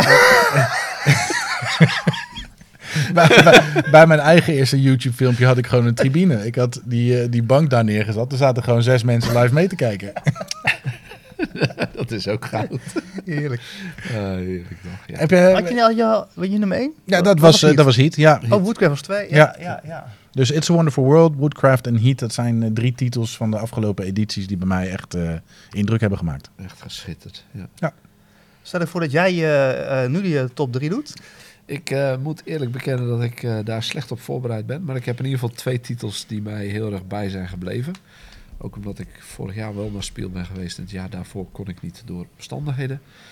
Ehm, maar twee titels van vorig jaar die ik nu nog steeds heel erg leuk vind. Ehm, Sabika, dat is de opvolger van Bitoku, die ook in het Nederlands uitkomt bij eh, Keep Exploring Games. Dus we kunnen daar ook in het Nederlands van genieten. Maar die was vorig jaar op Spiel, werd hij geïntroduceerd. Ik vind Bitoku al heel erg gaaf in elkaar zitten. De mechanismes, hoe die in elkaar grijpen, de uitdaging, de puzzel. Maar ik snap voor veel mensen, het is een heel druk bord. Het is heel veel, het is kleurrijk en gaaf gedaan. Maar hier wordt een partij overweldigd met componenten. Dat is niet voor iedereen weggelegd. En Sabika is eigenlijk een, eh, van dezelfde makers, eh, een variant. Nou, eigenlijk, ja, je merkt dat ze eh, eh, van dezelfde, vanuit hetzelfde brein ontwikkeld zijn. Uh, maar die is zoveel strakker geworden in de manier waarop alle acties in elkaar haken en alles op één bord weer keurig is weggewerkt. Een hele, hele toffe titel. Erg gaaf ook dat hij in het Nederlands komt. Um, je gaat in principe de paleizen van Alhambra ga je daar met z'n allen bouwen. En je hebt een klok in het midden met drie schijven. En binnen die schijven heb je workers. En die mag je allemaal één keer verplaatsen naar een, nieuw actieveld. En elke actieschijf heeft weer andere actiemogelijkheden. Dus wanneer je welke gaat verplaatsen. En daar zitten heel veel listige thema's of mechanismes al in. Als je bij iemand anders komt, moet je betalen. En je moet extra betalen als je extra stapjes wil doen. En soms wil je het een klaarzetten voor het ander, maar dan staat iemand nog in de weg, kun je het net niet betalen. Nou, dat is al een spel op zich. En dat is alleen nog maar de verplaatsing van je workers. ja, ja. En dan heb je nog alle acties eromheen, waarbij je dus je paleizen gaat bouwen, verbindingen gaan leggen met steden en alles. En oh, heerlijk spel. Als je houdt van experts, uh, fantastisch titel om in de gaten te houden. Weet je wanneer Keep Exploring de Nederlandse versie verwacht? Ik had het wel ik, gehoord. Ik geloof uh, deze maand dat hij uh, ongeveer hmm. uitkomt. Ik zag hem al op de website staan, dus uh, hij uh, komt eraan. Mag ik ook nog één vraag over stellen? Tuurlijk. Want uh, Bitoku heb ik dus ben ik altijd heel erg geïnteresseerd in geweest. Uh, het trekt me qua thema enorm aan, maar het heeft mij laten afschrikken door inderdaad de massale kleuren, ja. keuzes die op je afkomen. Uh, zou deze, uh, hoe heet het spel? Sabika. Sabika. Zou dat dan inderdaad een variant van mij zijn waarvan je zegt van hé, hey, um, een ja. stukje toegankelijker? Ja, ik denk dat deze toegankelijker is puur omdat het, het bord gewoon strakker en overzichtelijker is gehouden. Het thema is wat rustiger. En uh, ze hebben duidelijk wat, uh, wat meer rust in het bord gelegd. En daarom, ik denk dat ik deze persoonlijk ook nog weer net, je merkt dat het een evolutie is, net weer wat beter gefine-tuned ja. vind uh, dan Bitoko. Ja, dat, dat, dat, dat geeft mij het gevoel dat hij in ieder geval op de shortlist voor de NSP volgend jaar terechtkomt. Aangezien Bitoko nu gewoon een van de genomineerden is. Dus, ja, die kans is heel groot. Ja. Het, is, okay. het is gewoon een hele sterke experttitel. En een ander spel waar ik vorig jaar ontzettend uh, veel schik van heb gehad en nog steeds heel veel op tafel krijg, is uh, Dice Fishing. Van uh, onze Taiwan Board Game Design mensen. Dat is zo'n spelletje wat. Helaas, ik heb best, mijn best gedaan om hem bij Nederlandse uitgevers naar binnen te krijgen. Maar ze hebben hem niet opgepakt. Ik blijf. Dat is voor mij het ultieme vorm van de illusie van controle. Want het hele spel is, en jullie geloven me waarschijnlijk niet als ik het zeg, bestaat uit we gaan vissen vangen. Op een vis staat een getal, bijvoorbeeld een 7. En er staat een afbeelding van een dobbelsteen, bijvoorbeeld een 4. Wat betekent je moet met dobbelstenen een 7 gooien of hoger om hem te vangen. En er moet een 4 in zitten. Iedereen heeft zelf een setje van zes, uh, vijf zeszijdige dobbelstenen. En een D10 en een D20. En je moet dus beslissen van tevoren, oké, hoeveel dobbelstenen ga ik inzetten? Want degene die de minste dobbelstenen inzet, mag het als eerste proberen. Maar die grotere dobbelstenen geef je natuurlijk een hogere waarde. Maar die kun je ook weer inzetten voor rerolls of voor plus 1 en min 1. En alles wat je doet, elke keer als je gooit, denk je... Als je geluk hebt, oh, ik heb hem geweldig. Had ik precies zo berekend, want het kan. ja, ja. En als je faalt, denk je, ja, ik had er toch een dobbelsteen bij moeten doen. Ja, dus het klinkt niet alsof de dobbelstenen jou laten verliezen. Het klinkt, hey, dit is mijn keuze. Het had gelukt, maar het is niet gelukt. Te veel risico genomen. En dat is zo grappig om te zien. En het spel zelf is natuurlijk super simpel. Maar ja, de strijd die daaruit voortkomt. En ja, wat ik zeg, de illusie van controle die iedereen heeft. Want als het niet lukt, zit niemand. Ja, het ligt aan de dobbelsteen. Oh, ja, ja, ik dacht, ik neem een risicootje. Niet gelukt. Uh, dat, ik vind het schitterend. Ik heb er nog steeds zoveel plezier mee. Heerlijk spelletje. Um, Maar ik heb er maar even twee voor je. Ja, nee, helemaal goed. Over, overigens bevestig je wel wat je eerder gezegd hebt. Hè? Want eigenlijk June Imperium wordt afgeschoten omdat eh, die ene geluksfactor te groot is in het spel. Maar je zei ook later, eh, ik probeer steeds vaker te kijken naar de doelgroep van het spel. Dus voor wie is dit spel bedoeld? Nou, dit spel hangt van geluk in elkaar. Ja. Maar het, zo heb je hem ook ervaren en gespeeld en daarop waardeer je hem dus. Ja, en het voelt niet als dom dobbelen. Het voelt als, ja, neem ik twee dobbelstenen. Theoretisch gezien kan ik een 7 gooien met twee dobbelstenen en een 4. Maar het is wel een kleine kans. Of Ja. doe ik er toch drie? Maar ja, dan is misschien iemand anders me net voor. Ja, twee keer op één op zes, dat is nog steeds geen een derde kans, mensen. Dus het is zo grappig hoe mensen echt hele, helemaal aan... Oh ja, ja, ik doe toch dat. gewoon dobbelen. Ja. Ja, schitterend. Ik eh, blijf dat Als je het pakken kan rijden. Hij is te bestellen in, in Europa via de website. eh, want ik heb daar veel vraag naar gehad. Oké, maar die link staat vast dan op je YouTube. ik heb hem er eh. ook onder gezet. Ja, ah, mooi. Ja. Er is wel iets wat bij me opkomt hoor. Sorry, want zo gaat mijn hoofd. Maar dit is een Aziatische uitgever? Ja, Zei je dat? Taiwan. Taiwan. Ja. Want inderdaad, volgens mij zijn dat, moeten daar ook fantastische spellen vandaan komen. Nou, Maar die vinden niet zo snel eh, hun weg in dit soort winkels. Dus hoe kom ik met dat soort spellen in aanraking? nou, dat is lastig. Want ik heb eh, vorig jaar heel leuk contact gehad met eh, Taiwan Board Game Design. Dit jaar ga ik op Spiel er ook weer naartoe. En dan hebben ze donderdagavond eh, pizzaavond. Dus als de beurs sluit, ga ik naar hun stand toe. Gaan we daar pizza's eten en hun spelletjes spelen. En ik heb stiekem alweer een paar titels mogen ontvangen van hun, hun nieuwe collectie. En het zijn inderdaad spellen, die verzin je niet in Europa. Ik heb nu een spel, het is blijkbaar in eh, China een gebruik dat je op een bepaalde feestdag de eerste wilt zijn die zijn wierook in de tempel plant. Want dan heb je het hele jaar geluk. Of de hele dag, iets, iets van die tent. En het spel is dus, je bent een familie, dus je hebt een kaart van je moeder, je oma, je vader, je zus, je hond, je kat. En je probeert dus in een soort van race, twee tegen twee, als eerste die tempel binnen te komen. Door kaarten blind of open. Beetje eh à la Cold Express eh, tegen elkaar uit te battelen. En dan met jouw familie binnen die inzets te plaatsen. ja, je verzint het niet, maar het is zo grappig gedaan. Eh, En ze hebben allemaal van dat soort unieke dingen. Dus ze zoeken ook af en toe wel. sommige titels komen hier wel naartoe. Eh, maar sommige moet je echt inderdaad naar, eh, naar hun toe om, eh, om ze hierheen te krijgen. Dat is overigens wel waarom ik op speel als retailer ook dat soort contacten probeer te slaan. Ja. Want de, de, de, de juweeltjes, zeg maar. Ik, eh, tuurlijk, ik heb alle spellen die, die populair zijn en, en die van onze Nederlandse uitgevers gewoon goed aftrek vinden. Ja. Maar ik vind het ook altijd leuk om op een spiel een juweeltje te vinden. Eh, te kijken of ik daar... Ik bedoel, ik moet er wel geld aan verdienen. Dus ik probeer dan wel gewoon vanuit een wholesale perspectief met de mensen in gesprek te gaan.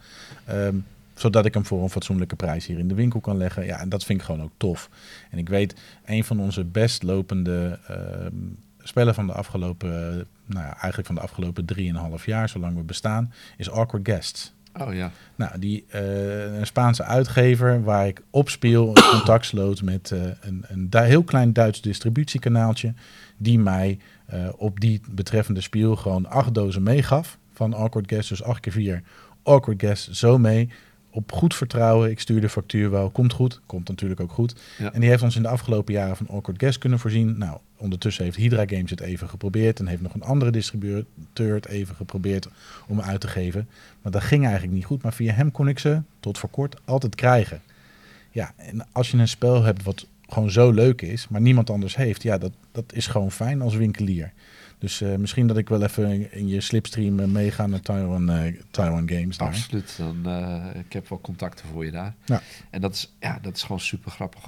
Ik denk dat ik vind het een beetje vergelijkbaar met Oink. Want dat is natuurlijk ook Ja. zo'n eigenlijk een Japanse uitgever. Die hebben nu gelukkig in, in Europa een, vast contact. Maar die hebben ook allemaal van dat soort zulke gekke spelletjes. Die zie je gewoon. Ja, dus ze hebben gewoon duidelijk een andere cultuur. Dus ander soort spelletjes. En dat is denk ik nog wel een leuke van Spiel. Scout van Oink. Ja, Dat ook is echt een leuk spel. ook echt een heel leuk spel. Ik denk dat ik die dan ook in mijn top 3 erbij wil hebben. Ja, nou, dat snap ik Een helemaal. heel leuk slagenspel eh, van, eh, van hun in de klassieke kleine doosjes. Ja, via Pegasus eh, voor ons inderdaad binnen te krijgen. Ja. De nieuwste van hun, Tiger and Dragon, is ook leuk. Het is een beetje een Mahjong-achtig eh, stijl spel. Waarbij je ehm, probeert je steentjes op te maken. En dan afhankelijk van welke je als laatste neerlegt, krijg je punt. En daar heb je dus allerlei verschillende scenario's bij. Maar ook weer heel toegankelijk en heel leuk hoe het in elkaar haakt. Eh, de moeite waard om eens te checken. Ik, Tof. zie- ik zie zo'n soort uh, Aziëhoekje of zo in zo'n winkel. Ja, maar Nou, je, volgens zou, mij... ja, Ja. je zou het bijna... eh, ik, ja, ik, ik vind het altijd leuk dat soort andere culturen betekent andere vormen van spellen en Precies. andere thema's. En eh, ja, ik, ik word er altijd best wel heel erg warm van. Zoals de spellen die ik nu ook weer heb gekregen. Sommige zijn zo... Je verzint het niet, maar het is zo grappig. Het Ja. werkt ook gewoon wel heel erg leuk. Ja. Ja, wist je trouwens dat Jelle's theorie is dat eh, hoe iemand bordspellen speelt, dus ook dan eigenlijk indirect hoe, van welk type bordspellen iemand houdt, dat dat heel veel over iemands persoonlijkheid zegt. Absoluut. En toen zei ik tegen Jelle, nou dan moet je maar niet te vaak met Bastiaan gaan spelen, want dan denk je dat het een heel naar mens is. Jij maakt echt het bruggetje van de eeuw. Want ik ga zo in mijn top 3. Dit is echt alsof we het hebben ingestudeerd. Maar het is niet zo, Luc. Maar het is wel echt geniaal. Dankjewel voor dit bruggetje. Nou, Mag ik hem brand overnemen? los. Zeker, los. Nou, op mijn eh, top 3 van, eh, hè, van de afgelopen jaren Spiel dus. Hè. Ik ben overigens niet bij Spiel geweest. Nog nooit in mijn leven. Maar ik kijk dan op de lijstjes wat er is geweest. Een Ehm, gemis, een gemis. Ja, nou ja, ik, ik heb ook in de vorige aflevering gezegd. Hè, het- als mens ben ik niet een eh, hele, heel erg geschikt voor massale bijeenkomsten met veel prikkels. En ja, Snap ik. ik hou eerder van dit soort settingen. Snap ik. Ben ik met je eens, maar om het een keer mee te maken is Zeker, het, ja. eh, de moeite waard. Ja, je kan nog mee, hè, want er heeft iemand afgezegd. Dus eh, als je donderdagochtend om half zes eh, bij mij op de stoep staat, dan, oh, half zeven, sorry, Half niet zeven. overdrijven. Half zeven bij mij op de stoep staat, mag je zo meerijden. Ja, ja, ik denk niet dat ik het geregeld krijg. Nee, maar ook niet. Bij deze. We Maar goed, bruggetje. Het bruggetje. Hè, bruggetje. Nou ja, op mijn eh, nummer drie, hè, ja, toen dus ook Heat. En ehm, ja, daar hebben we natuurlijk al wel vaker over gehad. Vind ik een leuk spel. Maar inderdaad, ik ga eventjes de anekdote vertellen dat Bastiaan bij mij een, eh, een spelletje kwam eh, spelen thuis. En toen was Heat, had ik hem net nieuw. Ik had hem net uit. En eh, dus van. Bastiaan kwam bij mij een spelletje spelen. Nou, gewoon lekker rustig binnen. Hoi, hey, kopje thee, even zitten. Nou, ga, nou, ga je een spelletje spelen. Wil je Heat spelen? Ja, nee, geen probleem. Hè? Dus allemaal nog in een hele relaxte vibe zo. En dat spel komt op tafel, kaarten worden gedeeld. En ja, en ik ben een hele erge beelddenker, dus ik zit helemaal in mijn element aan. En op dat moment zie je een soort van blik veranderen bij Bastiaan. Zo van, oké, jij wil racen? Komt die motherfucker. die helm gaat op. Die had hij natuurlijk niet echt, maar in mijn hoofd. En die begint gas te geven. Weet je wel, jij bent echt als een mal over die baan gaan chasen. Je hebt ook maar gewoon dik ingemaakt. Maar het was gewoon alsof je in Fast and Furious zat en gewoon van, nou, ik weet niet of ik die bocht ga redden, maar ik ga proberen tot het scherpst van de steden. En Ja. ja. dat vind ik zo heerlijk als dat dan gebeurt, omdat eh, ik ben dan bijvoorbeeld best wel behoudender, hè. Dus ik zit te kijken van, nou, ga ik wel veilig door die bocht heen met mijn 40 km per uur? En jij bent best wel dus iemand die in ieder geval dat spel wel de randjes opzoekt en durft op te zoeken. Nou ja, zeker inderdaad. De eerste keer dan speel je lerende, eh, ben je al lerende de regels aan het ontdekken. En dan denk ik, joh, gewoon gas op die lolly en dan zien we waar het schip strandt. En eh, nou, dat is een spel wat zich er wel voor leent. Ja, dit, dit is overigens wel waarom Flamme Rouge uiteindelijk beter is. Want als je daar te vroeg ontsnapt in een etappe, Ja. dan ga je nat. Nou ja, hier had het ook vreselijk mis kunnen gaan. Maar ik had gewoon een beetje domme geluk in dit geval. ja dus, eh, maar goed, ja, dus Heat en dat het die ervaring kan geven, ja, dat, dat vind ik dus helemaal geweldig. Ehm, op nummer twee is Ark Nova. En wat ik wel mooi vind, dat we er nu natuurlijk in, nou, een tijdje verder zijn. Die heeft zich wel echt bewezen als... Hè, die kwam met best wel veel hype binnen. Eh, ja, ontzettend veel verkocht. Ehm, maar heeft zich wel bewezen als een soort van klassieker. En nou ja, binnenkort komt daar eh, Ja, de Marine uitbreiding Ja. van uit. Die komt op spiel uit. Nou, ehm, dat gaat het lijstje zijn. Hij komt nog terug zo meteen in de podcast namelijk.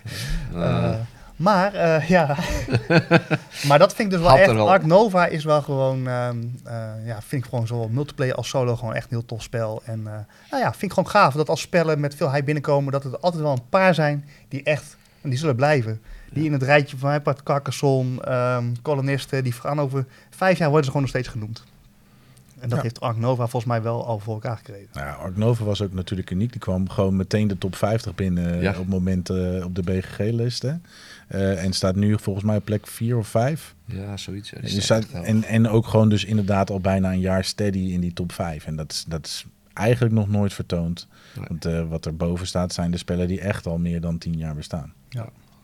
Nou, Gloomhaven, wanneer? Ergens in die contraille. Ja, dat, dat gewoon al een, een flink tijdje. Ja. Je zit al te kijken wat mij, op mij één staat. Ja. nou ja, wat, ik zie het vanuit mijn ooghoek Ja. en ik vind het heel leuk, want je hebt inderdaad twee titels die ik heel goed in elkaar vind zitten. Maar die mij persoonlijk, voor, om de manier die ik speel, eh, wat ik leuk vind, eh, niet trekken. Mhm. Of minder trekken. Ja. Ja, want mijn één, en dat is ook namelijk degene die ik wil gaan inbrengen voor de battle. Daarom dacht ik, doe mij maar als laatste. Dan heb ik ook weer een mooi bruggetje. Want dit is dus ook degene die ik vind. Hè, dus als ik naar Spiel was gegaan, dan is dat wel echt hetgeen waarmee ik naar huis had willen komen. En waar het, ik heb het niet overigens, en dat is dus Everdell, maar dan de Complete Collection. Die was vorig jaar volgens mij, was die daar voor het eerst te krijgen. Mhm. Ik eh, heb ze voorbij zien komen, Ja, die, eh die megadoos. scheidendoosjes. Ja. Ja. Nou, en wat, kijk, ik ben wel een eh, groot liefhebber van Everdell. Ik ben dus, ik heb de Nederlandse versie ooit gekocht. En dus ook al twee uitbreidingen in het Nederlands. Dus voor mij is die Complete Collection, ja, dus ja, voor een battle is dat niet echt handig. point. Maar ik ben er bijna toe in staat om die andere te verkopen en dan die eh, aan te schaffen. Want ik vind het wel echt heel vet, en daarom ben ik straks benieuwd wat jullie gaan inbrengen voor de battle, is dat je dus, eh, dat er spellen zijn die dus een complete collection gaan aanbieden. Ja. Eh, want een Ticket to Ride zie ik hier staan. Hoe vet zou het zijn als je daar ook, ja, het wordt wel een hele goede collectie trouwens. Daar krijg je Maar- een, een klein steekwagentje bij. Een Eldorado heeft volgens mij ook ondertussen vier uitbreidingen of zo. Hoe vet zou het zijn als je straks ook een mooi pakket kunt krijgen, waarin jij gewoon als liefhebber van een bepaald spel gewoon volledig compleet kunt zijn. Ja, je hebt En- natuurlijk wel één groot gevaar. En dat is eh, degene wat in de community toch ook wel vaak het gevoel is. Het melken, het uitmelken van een spel. Ehm, het lijkt soms bij de laatste jaren dat een spel wordt uitgebracht. Waarbij ze al lang weten, we gaan X, Y en Z ook nog mee komen. En als het populair is, dan verzinnen we ook nog een X kwadraat, een Y kwadraat en een Z kwadraat. Ja. En ehm natuurlijk, wederom, iedereen moet verdienen in de business. Want anders hebben wij niks leuks te doen. Ehm, maar soms gaat het voor mij. Ik ben ook groot fan van Everdell. Maar eigenlijk biedt de basis voor mij genoeg om plezier te hebben met mijn groepje eens in de zoveel tijd dat hij op tafel komt. Hoewel ik de uitbreidingen waardeer. Hè? Ja, ik snap Dus- dat, maar ik heb hetzelfde probleem. Ik eh, kan sommige spellen al zo weinig spelen dat de base game al genoeg variatie biedt op zichzelf. Hmm. Hoewel ik sommige uitbreidingen echt wel meerwaarde vind. Eh, s- sommige zitten er ook gewoon standaard bij in. Ehm, maar is het hard nodig? Ja. nou, ik, eh, en zeker die grote big boxes. Ja, jee, ik heb van Carcassonne big box. Dan heb je alles van Carcassonne. Ja, Jee. Ja, eigenlijk niet eens. Hè? Nee, nog niet eens. Want die big boxen zijn eigenlijk niet ja, eens die zijn compleet. niet eens compleet. Nee. Dus, eh, maar ik merk het nu. Ik heb toevallig dan van Wingspan de, de nesting box. Wat natuurlijk geen eh, samenvoeging is van alle boxen. Maar eh, ja, als je dan ziet hoeveel vogels ik al heb. En dan zie je ook de dividers die erin zitten. En de landen en ah, continenten die er nog aankomen. Eh, ja, hoe vaak moet ik het spelen om die vogels allemaal op tafel te krijgen? Ja, menig Dus- Twitter-account is er jaloers op. Eh, ja dat kan ik me voorstellen.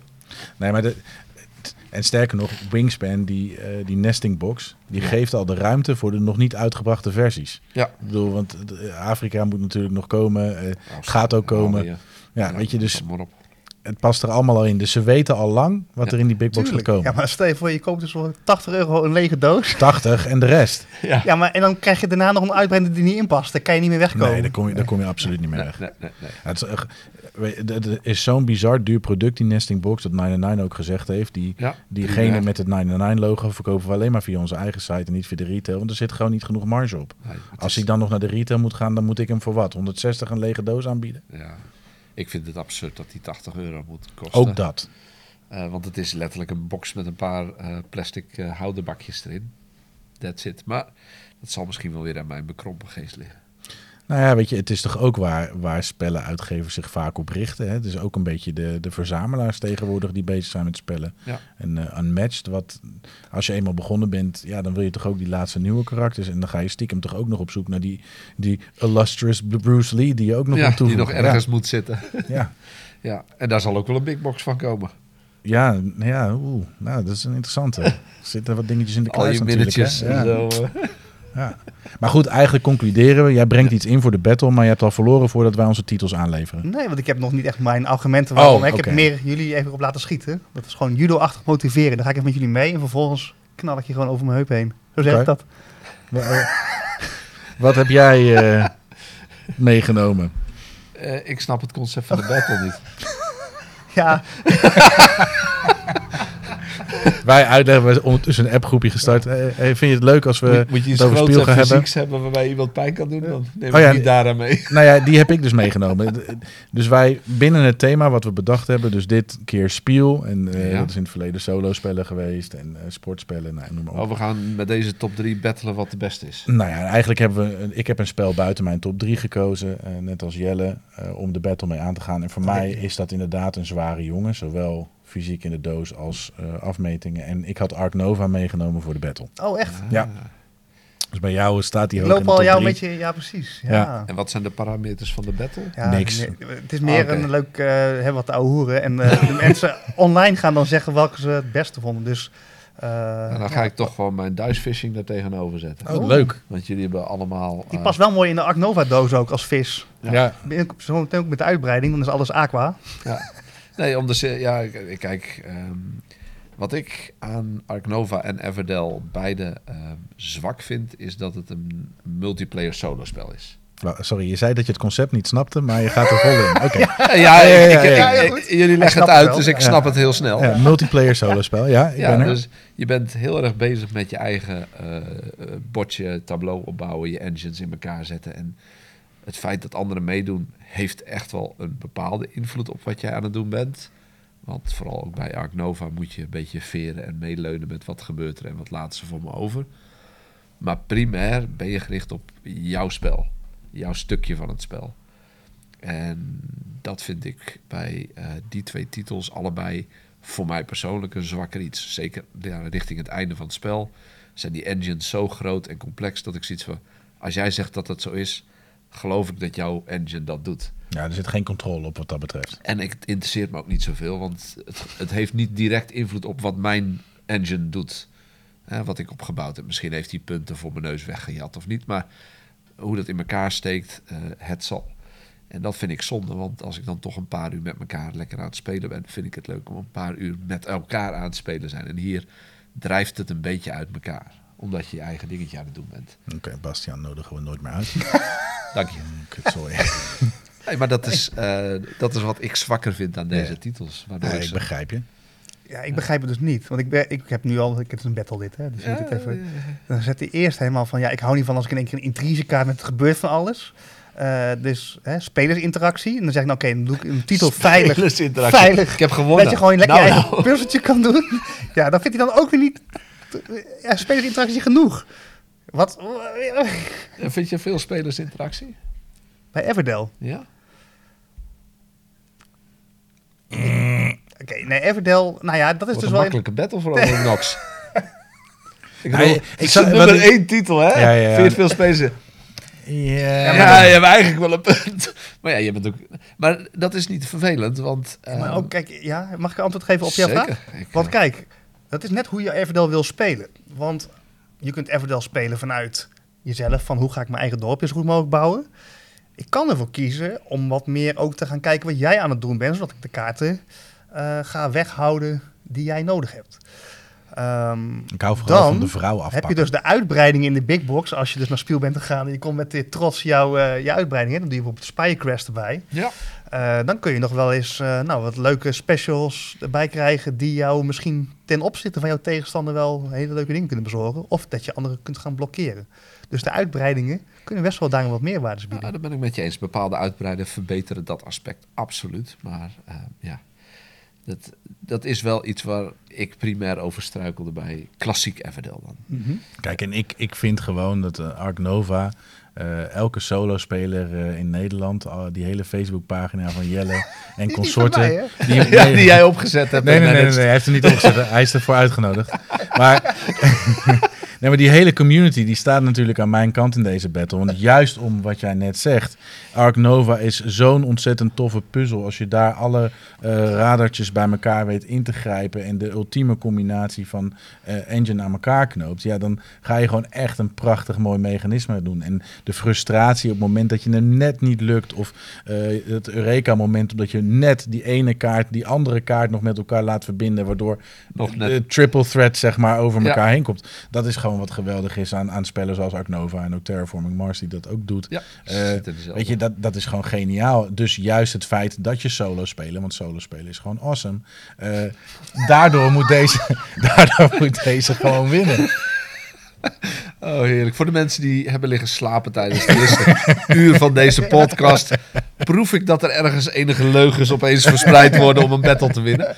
Maar inderdaad, eh, nee, eh, ja, daar kan ik niet anders dan gelijk in geven. Zeker voor de solo-spelers zijn dit eh, waanzinnige titels. En ik denk juist door dat concept dat je iets meer in je eigen bubbel zit.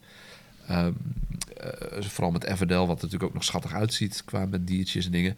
Dat daardoor eh, de vriendin, de vrouw het een leuker spel vindt om te spelen. Want je kunt je eigen knutseldingetje doen. En dan heb je niet gelijk dat iemand je helemaal kapot staat te bashen.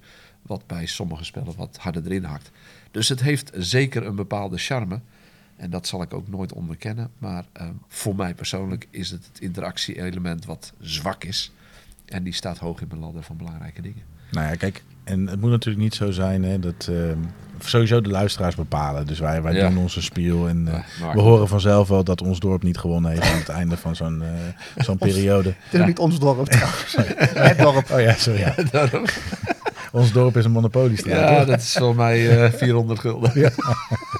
Dat. Nee, maar je kan natuurlijk niet elk, dit onze spellen afvakkelen en dan elk willekeurig spel er tegenover gooien. Dus ik moet wel nog eventjes, je hebt al verteld over dice fishing, maar waarom zou iedereen deze nou in zijn collectie moeten hebben? Omdat, eh, waarom zou dice fishing met iedere kunnen? Eh, omdat het en toegankelijk is, superleuk, hoge interactie. En eh, wat ik zeg, ik vind eh, als met expert spelers die hardcore gaan op Everdell, Ark Nova, Sa- Sabika. Is het een heerlijke eventjes tussendoor, want je ziet ze toch allemaal rekenen. Kan ik die optimale, die sweet spot berekenen voor het aantal dobbelstenen wat ik nodig heb om die fucking vis te vangen? En dat is zo grappig om te zien in mensen die gewoon normaal hun hersenen kraken over de strategieën, die zes potjes vooruit denken. Ehm, en het is gewoon dom lachen. Maar- Sorry, maar je zegt dus dat in het spel wat jij net hebt uitgelegd, en ik wil het gaan proberen, dat er mensen analysis paralysis kunnen krijgen omdat ze nadenken over hoeveel dobbelstenen ze gaan inzetten? wel, Ja, echt? Oké. ik heb mensen echt zo helemaal bijna in paniek zien raken. Eén erbij. eh, en dan, Maar raak je ze ook kwijt? Heb je ze ook Nee, maar je beperkt ze- inzetbaar? Dus je kunt gewoon willekeurig. Het enige is dat je eerder mag dobbelen voor de vis nee, als je eh, minder inzet. De, ja, eh, en de special dobbelsteen, dus de tienzijdige en de twintigzijdige, die ben je één beurt kwijt. Oh ja, oké. Dus die, dus die eh, offer dus je je wel op. zeszijdige komen altijd terug. Dus je hebt altijd je vijf dobbelsteentjes. En die andere, die, als ze niet gedaan... Zelfs als je vis al weg is voordat jij begint met dobbelen... ben je hem nog steeds een beurt kwijt. Oké. Dus daar zit ook weer een overpeinzing in. Ehm, ja, het is gewoon eh, in, in alle eenvoud fantastisch om te spelen met jong en oud. Ik weet al wat wij gaan doen na het beursenseizoen. We gaan een potje dice vissen met Dus zeker drieën. weten, daar gaan we Ja, gezellig heel visjes leuk. vangen. Leuk. Ik, ik wil toch eventjes met... Kijk, het is toch een battle en ik kan nooit laten om dan toch nog even met twee argumenten te komen. Zeker. Sorry. Ja, Dit gaan ze gewoon even... Sorry zeg in de battle. Standaard protocol dit ook hoor. De luisteraars zaten er al te wachten. Waar Kijk. komen die? Kijk, de vraag is natuurlijk, hè, we zetten nu drie spellen tegenover elkaar die je dan zou willen aanschaffen op Spiel. Dus dan ga je dus helemaal naar Duitsland met de auto. Hè? Eh, moet je waarschijnlijk ook nog een, dagje, een nachtje overnachten, hotelkosten. En dan ben je eindelijk op die beurs en dan koop je een klein Taiwanese spelletje. Zon, eigenlijk bijna zonde van de trip, toch?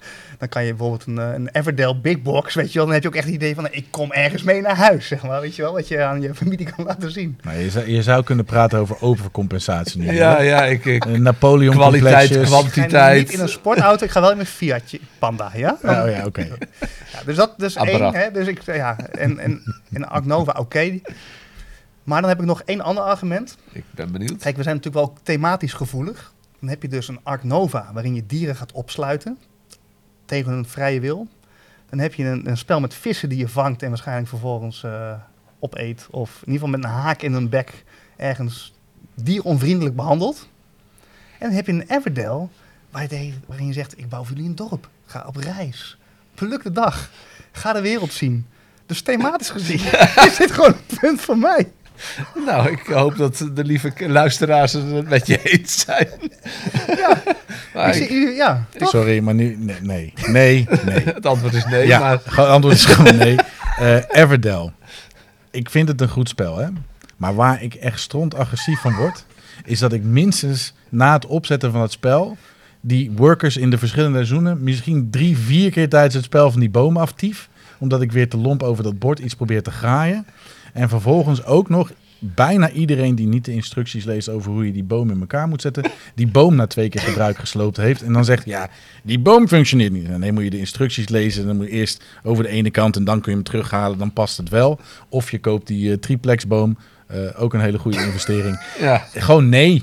Nee. Ik heb die triplexboom overigens. Ja, en terecht. ik ook.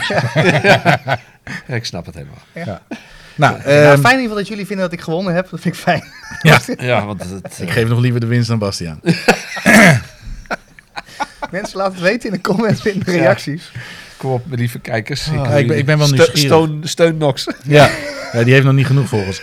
Ehm, nee, ik ben, ik ben wel heel nieuwsgierig. Ook eh, zeg maar, welke juweeltjes hebben wij nu niet benoemd? Wat hebben we gemist eh, in de afgelopen jaren Spiel? Ehm, weet je, zo'n hotnesslist, daar staan eh, meer, een paar honderd spellen op die elk jaar op Spiel gedropt worden. 1200 dit jaar. Nou ja, eh, ik ga die hele lijst van 1200 niet doorlezen. Ik ga ze ook niet allemaal kunnen bezoeken in vier dagen spiel. Eh, daar zijn bepaalde titels die ik ga kiezen. Nou, Bastiaan pakt degene die hij zeker wil gaan bezoeken er al bij. Daar heb ik er ook een paar van. Ehm, nou, als consument zijnde kom ik misschien met drie, vier titels naar huis of zo. Waarvan ik dacht, die, daar wilde ik echt voor naartoe. Die ga ik halen, dat wil ik doen. Ehm, en ik kom soms een juweeltje tegen. Ja, dat heb ik hier ook. Ik, de lijst is zo groot en ik heb inderdaad in voorbereiding hiernaar gekeken. En ook naar Spiel. Omdat ik afspraken wil maken met bepaalde uitgevers van... joh, waar heb ik nou echt interesse in? Want ik, ten eerste zit ik niet op te wachten om met 40 spellen terug te komen. Want als ik op jaarbasis 200 spellen kan reviewen... dan ben ik gewoon al eh, drie van mijn maanden, of twee van mijn maanden kwijt eh, ruim. Dus ik wil eigenlijk beperkt een paar leuke spellen... waarvan ik eigenlijk zeg, dat vind ik leuk... en dat lijkt me ook leuk om met de, de kijkers of de luisteraars te delen. Eh, Wacht even, want ik ga nu meteen rekenen in mijn hoofd. Jelle ook, hè? Eén Ja. per dag. Ja, eh, 200 voor op 365 dagen. Eh, jij knalt er veel uit. Eh, dat, hoe lang ben jij ongeveer bezig met één spel? En ik snap dat er verschil zit tussen een expertspel doorakkeren en een wat kleiner spelletje, maar Ja. eh, grofweg. Grofweg moet je zien als ehm, de tijd van de video. Dus laten we zeggen dat een videootje 20 minuten duurt. Dan heb ik daar ehm, ongeveer een, twee keer zoveel nodig om het allemaal op te nemen en op te zetten. En dan ongeveer drie keer zoveel om dat te monteren en af te werken. Dus keer zes. dus ongeveer keer vijf keer zes. eh, Ja. ja. Ja, dus 20 minuten is en dan nog vijf keer de hoeveelheid tijd erbovenop. Ja, dus dan ben je twee uurtjes mee bezig ongeveer. En dat is, ja, wat je zegt, heel variabel. Maar, want sommige spellen hebben, nou ja, zoals een Bitoku, dan ben je al een half uur bezig om alles gewoon op te zetten, zodat het er mooi uitziet. Voordat je kan beginnen met reviewen. En andere spellen eh smijt je de dobbelstenen neer klaar. Zoals dice fishing. Scherpjes neer, dobbelstenen, vissen, filmen. Nee, Dus, maar- dat, dat, dat beseffen mensen zich niet. Hè? En, en dat geldt voor eigenlijk iedereen die op welke manier content wil creëren. Ja. Of je dat nou op YouTube doet of Instagram of, of nou ja, eh, hetgene wat ik zelf niet volg, TikTok. Ja. Daar gaat zoveel meer tijd in zitten dan mensen doorhebben. Het is niet die 20 minuten van dat filmpje waar Bastiaan je, je woonkamer inkomt om jou de spelregels van het spel uit te leggen. Het is de video-edit. Het is de voorbereiding van het lezen van de spelregels. Het is het misschien een keertje voorspelen met vrienden als je Oh ja, dat is nog niet eens meegerekend. Want dit is nog exclusief natuurlijk het spel een paar keer spelen. En, en ik doe dat natuurlijk al ruim 12 jaar. Dus ik kan bloedsnel editen. Omdat ik alles klaar heb staan. En al die bumpers en dingen. Dus eh, doe je dit de eerste keer, dan zal je eerste spel je dag kosten. Ja. Letterlijk. Ja, eh, respect. En, maar dat, dat geldt voor jullie allebei. En ik heb het nu voor het eerst zelf in mijn eentje klein geprobeerd. Eh, ja, dat, eh, gelukkig heb ik een hele lieve vriend Noël die me geholpen heeft, die eh, daar ervaring mee heeft. Ehm, maar weet je, mensen mogen zich dat best wel beseffen dat dat echt wel gewoon veel tijd kost. En wij hebben het er al vaker over gehad. Jij bent geen YouTube-miljonair. En, Nee. en, Net, je, net niet. Net niet. Nee, nee, nee. Ik, zal, je krijgt geen nog maar in samenwerking. een Bugatti. Dus, eh, Ja, precies. Nee, maar even, mensen beseffen dat niet. En de- er is natuurlijk een heel scheef beeld van al die influencers die eh, hun dakkapellen laten plaatsen tegen eh, in ruil voor een poosje. En dan gelukkig dat er dan dakkapellenplaatsen zijn die zeggen, joh, je bent niet goed bij je hoofd. Maar jij hebt mij ooit gezegd, weet je, ik kan er af en toe een keer leuk vanuit eten. Ja. Maar ik doe het voor de hobby. Ik doe het vanuit de passie. En dat was ook een van de reacties die we trouwens kregen, bedenk ik me nu, eh, toen we aankondigden. Standbeeld. Ja, er moest een standbeeld opgericht worden voor, voor Bastiaan, voor Nox Spellenzolder. Want wat jij voor de community doet, uit de liefde voor het spel, ja, dat, dat wordt gewoon super gewaardeerd. Inclusief door ons en dus ook door onze luisteraars. Nou, dat vind ik, dat, daar doe ik het voor. Ik vind het zelf leuk en ik vind eh, de community reacties eh, gewoon heel leuk erop. Dus ik ben blij dat ik straks merchandise kan aanbieden. Dan kunnen die eh, zelf een standbeeld worden van mij. Ja, ja, ja. Oh, echt, ik, ik zweer. Bastiaan woont in een heel klein takkendorpje. Die zegt altijd dat hij vanuit Amersfoort opereert. Maar het is eigenlijk een heel klein takkendorpje in de In buurt. de buurt van. En het zou zo leuk zijn als we gewoon met een aantal mensen nu ergens op papier een standbeeld gaan creëren. En die op een regenachtige dag in zijn voortuin planten. Wie doet mee? Oh, heerlijk. Nee, ja, dat zo narcistisch ben ik niet. Ik heb geen Nee, standbeeld. daarom doen wij ja, het. doe je niet. Ja. heerlijk. Maar goed, we hadden het er eigenlijk over. Waar zitten wij op te wachten in de aankomende editie van Spiel? Hey, ik ben heel benieuwd. Nou, ik, voor mij staat er eentje, en die heb ik ook al eerder benoemd. Eh, daar ben ik gewoon heel nieuwsgierig naar, omdat ik hem echt met eh, acht man wil gaan spelen. Ah. Among Cultists van eh Godot Games. Ehm, een thriller, deduction, ehm, hidden role-achtig spel. eh, waarbij volgens mij, als je dat met de juiste groep... Sowieso zijn er natuurlijk niet zo heel veel spellen met diepgang voor zo'n grote groep. eh, die echt geweldig moet zijn. En door de drukte, ik had hem het liefst voorspelen met een aantal mensen willen spelen. Dat is er niet van gekomen. Dus ik ga eh, in de komende dagen bij Godot Games zeker langs. Eh, en ik ga ook zeker dit spel ergens in de komende weken naspielen. Een keer op een doordeweekse avond. Als je zin hebt om erbij te zijn in regio Amersfoort. Dan gewoon een keer s'avonds de avonturen. Grote tafel en gaan we proberen met een groep mensen. Nou, Dan sluit ik gezellig bij je aan. Want het lijkt me leuk om even met die mensen allicht te babbelen. Nou, doen we. Jelle, jij haakt af, want het is een te grote groep voor je. En ik hoor dat het interactie Ik is. zit dus gewoon niet lekker met solo. eentje solo Everdell spelen. Voor vier. Nee, eh, ik hou wel... eh nou ja, wat ik altijd bij dat soort spellen fijn vind... is als er iemand bij is die het spel kent... en een soort van het voortouw neemt... eh, net als bij bijvoorbeeld... ehm, eh, het spel wat we allemaal kennen... Wat jij, waar jij ooit mee begonnen bent... Met Dungeon Magic? Master. Dungeon, oh, Eh, Dungeons Dungeons Dragons. Dragons. Ja. Dat je gewoon met iemand speelt die het kent... en een soort van zegt, nou, die rollen en zo, weet je wel. Want Ja. vaak bij dat soort spellen... als je niet goed weet waar je allemaal in met z'n allen... dan wordt het echt een rommeltje en dan haak ik ook af, zeg maar. Want dan... Het moet wel even goed worden neergezet. En Ja. als dat is die avond, dan ben ik erbij. Nou, ik, ik beloof, I solemnly swear, I'm up to no good. Ehm, ik beloof dat ik die voorbereiding voor die eh, spelavond ga doen. Vet. En ehm, nou ja, ik had eh, het eh, in een, een Instagram-post al een aantal mensen die heel graag willen aansluiten. Jullie geven aan, we zijn er ook bij. Daar gaan we plannen, gaan we doen. Maar goed, daar ben ik dus Moet op je wel spiel. eerst krijgen op spiel natuurlijk. Nee, ik heb hem, ik heb hem al gekregen. Oh, Dus. je hebt hem zo. Ja, ja, ja. Ik, eh, ik kreeg ineens een, eh, een verrassende ding-dong ineens uit het niets van Godot Games. Eh kreeg ik die hele Kickstarter-unit gewoon eh, echt een massive doos met alle uitbreidingen gewoon thuis gestuurd. Eh, soms ben ik wel eens vergeten dat ik iets gebackt heb op Kickstarter, maar ik wist zeker dat ik dit niet gebackt had. dus heb ik een berichtje gestuurd, jongens, eh, eh, verrassend, maar eh, super tof en bedankt. En dat komt omdat ik in het verleden wel eens contact met ze gehad heb en ze, nou ja, dat is niet waarom ik dit nu doe, maar wel ze een warm hart toedragen, omdat ze echt iets heel knaps neerzetten. Ze zijn eigenlijk al vier weken lang staan ze nummer 1 op de hotness van, van Spiel Ja. eh, 23. Dat doen ze en door een ontzettend goede campagne en mensen weten te triggeren over wat dit spel hen gaat bieden. Eh, een succesvolle Kickstarter campagne. En ik denk ook gewoon een spel wat best wel alleen staat in het soort wat er komt. En dat is gewoon heel knap. Ja, ik ben er ook wel heel nieuwsgierig naar. Want ik zag inderdaad op nummer 1 dit spel staan. En vrij dicht daaronder staan de uitbreidingen ook al in de Ja, hopjes. precies. Die staan gewoon, die staan gewoon allemaal in de top 20 met Ja, elkaar. dat is heel bijzonder. Ja. Dus daar was ik al een beetje van... hmm, misschien moet ik daar even langs gaan en kijken wat er nou hot is. Ja. Hmm, ja. ja, of te hebben. Dus, eh, dat, die verhalen gaan dan ook, hè? Dat ze heel veel mensen betalen om op die duimpjes omhoog te drukken. Botnet. Nee, mensen, nee, ja, tuurlijk, dat, zijn, dat is altijd discutabel. Weet je, heb je echte volgers of zijn het eh, virtuele volgers? Ja, dat spelletje dat iedereen, nee, niet iedereen, maar veel mensen zullen dat spelen. Wat zij doen is, je ziet dat druppeleffectjes, ze zijn twee jaar geleden begonnen met reuring te verzamelen over hun spel. Want vorig jaar stond hij ook in de hotness. Niet zo hoog als nu, maar hij stond vorig jaar al in de hotness. En toen hadden ze alleen nog maar de testversie eigenlijk op tafel liggen op Spiel. En iedereen die hen is gaan volgen, zeggen ze gewoon iedere keer: jongens, we gaan groot lanceren op Spiel. Geef ons een duimpje op BGG. Zijn we erg mee geholpen. Want uiteindelijk, Godot Games is geen mega monster van een uitgever. Dus dat doen ze gewoon supergoed. Ze maken gebruik van de middelen die ze hebben. En ik denk ook echt dat het spel, ik heb, ik heb het doorgelezen. Ik weet een beetje wat er van ons verwacht wordt. Eh, ik denk dat het ook echt een heel tof spel is. Dus ik denk dat ze terecht zo hoog staan. Vet. Nou, dat is in ieder geval een van de titels waar ik eh, zeker ga kijken en eh, naar uitkijk. Ja, terecht.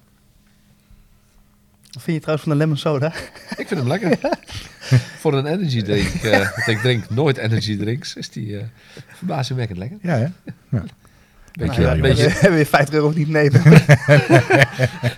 lemon soda, ook door Nox gewaardeerd. We gaan ook meteen een andere toon over het systeem. Ja. Ja, dat is mijn reclamestem. Ja. hey, wat, waar zit jij naar uit te kijken? Ehm, ik, ben, eh, ik heb een paar titels waar ik heel benieuwd naar ben. De nieuwste van CGE. Ik spreek het waarschijnlijk verkeerd uit, maar Kutna Hora, The City of Silver. Ehm, daar was ik heel benieuwd naar, want dat is een ehm, spel waarbij je een dubbelzijdige kaart hebt die je gaat gebruiken om strategisch te plannen. Ehm, mijnbouw ga je doen, koop van eh, percelen om te bouwen, vergunningen oprichten van gebouwen en zo. Eh, en het feit dat het daardoor, ja, het is dus een asymmetrisch spel, ehm, waarbij de verschillende gilden die de spelers vertegenwoordigen ook nog weer elke keer anders zijn. En ze geven zelf aan ook een hoge mate van interactie te hebben. Eh, en al die factoren bij elkaar, dat was wel een trigger waarvan ik zeg, dat vind ik heel erg leuk. Dus ik heb een afspraak gemaakt met ehm, eh, de contactpersoon van eh, CGE om eh, daar even langs te gaan en eh, te kijken of we die eh, in het Nederlands ook mogen delen met de mensen. Ja, en, en Kutna Hora, wat voor cultuur zit daarachter? Heb je daar al een beetje een beeld van? Ehm, dat, ehm, wat was dat ook weer? Dat heb ik. dat heb Ja, ik zag opgeschreven. Sint Barbara Kathedraal, Ja, maar die ken ik niet. Ik ook niet. Ehm, ik denk dat het een beetje in de Spaanse kolonisatie zit, maar ik durf het niet helemaal zeker te zeggen. De overigens wel een, een... Ik denk dat ik een hele goede geschiedenisleraar heb gehad. Maar op het moment dat er iets cultuurachtigs, beschaafdheidsachtigs achter zit, geschiedkundig achter zit, dan ga ik toch wel vaak op aan. Ja. Weet je, dat, en, en dat, ik, ik zie hem zo nog voor me, die man met een hele imposante zwarte snor, die maar ging vertellen over farao's in Egypte. En ik was echt, echt een, een verschrikkelijke scholier. Ik deed echt geen ene fuck. En ik heb ellen, ik ben leraar, hè, even voor de duidelijkheid. Eh, ik heb ellendig lang over mijn middelbare schoolcarrière gedaan, over drie verschillende middelbare scholen verspreid. Dus ik denk dat dat genoeg zegt. Maar die geschiedenisleraar in mijn brugklas in Amsterdam op de Gerrit van der Veenschool, deze man vertelde zo, ik was zo geboeid door zijn verhalen over Egyptenaren, dat ik nog steeds die verschillende kronen van de farao's kan terughalen en van wie die waren. Ja. Weet je, en dat is knap. En, en daar denk ik dat in bordspellen word je daar wel vaak in gepleased. Ja, ja, zeker. Want die zijn, ehm, daar wordt nog wel eens gegrepen naar een hele Ja. interessante cultuur om, eh, om te baseren. Ja. Ja. Nee, overigens trouwens, Ank van, eh, van Simon Games. eh, cool Mini or Not. Ik- Ik zeg altijd Simon, maar goed, Ja. Cool Mini or Not. Is zo'n spel alleen al vanwege het artwork en het thema. Take my money. Ja. Ik heb de complete pledge op Kickstarter gedaan. Maak Neem alles uit. maar, ik wil hem maar. hebben. Ja, Ja, precies. ja bij dat. mij ook. Ik ben ook echt een Egypte-fan. eh, heerlijk. Prachtig spel. Had, je, had jij er ook eentje? Heb jij, er hoeveel heb jij er, Jelle? Ik heb er drie. Oké, en wij hebben er allebei twee volgens mij. Hè? Eh, oh, oh, tweezijdig. drie. Oh, damn it. Oké, nou dan, dan gaan we gewoon heen en weer. Dan komen we precies uit. ja. Ja.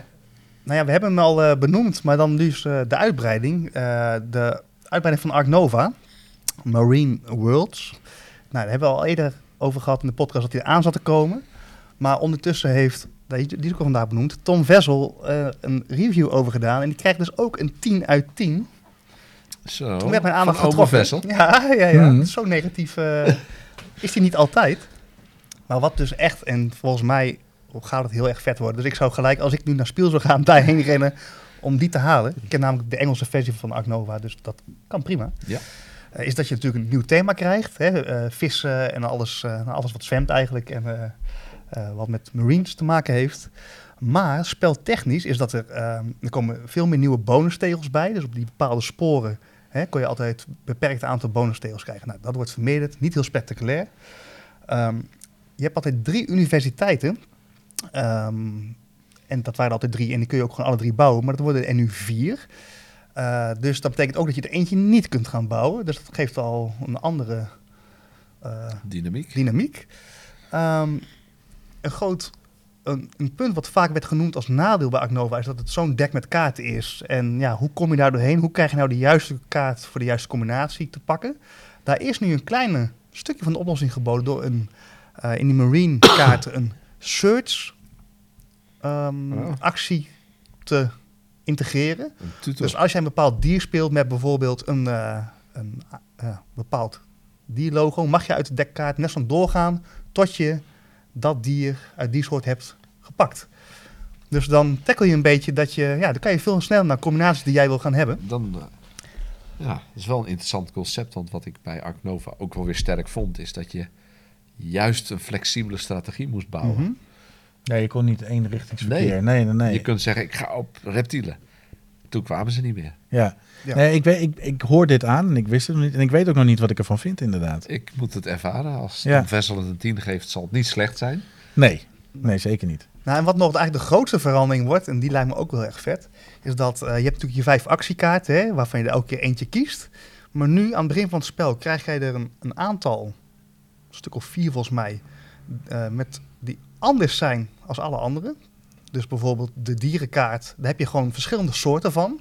En jij mag uit die kaarten er twee kiezen die jij in het potje gaat spelen. Dus de basiskaarten gaan dan weg en dan komen er andere kaarten voor, in, eh, voor terug. Dus dan krijg je een soort van asymmetrie in het spel. eh, waarin je elk potje dus op een bepaalde manier sterker bent als op een ander potje.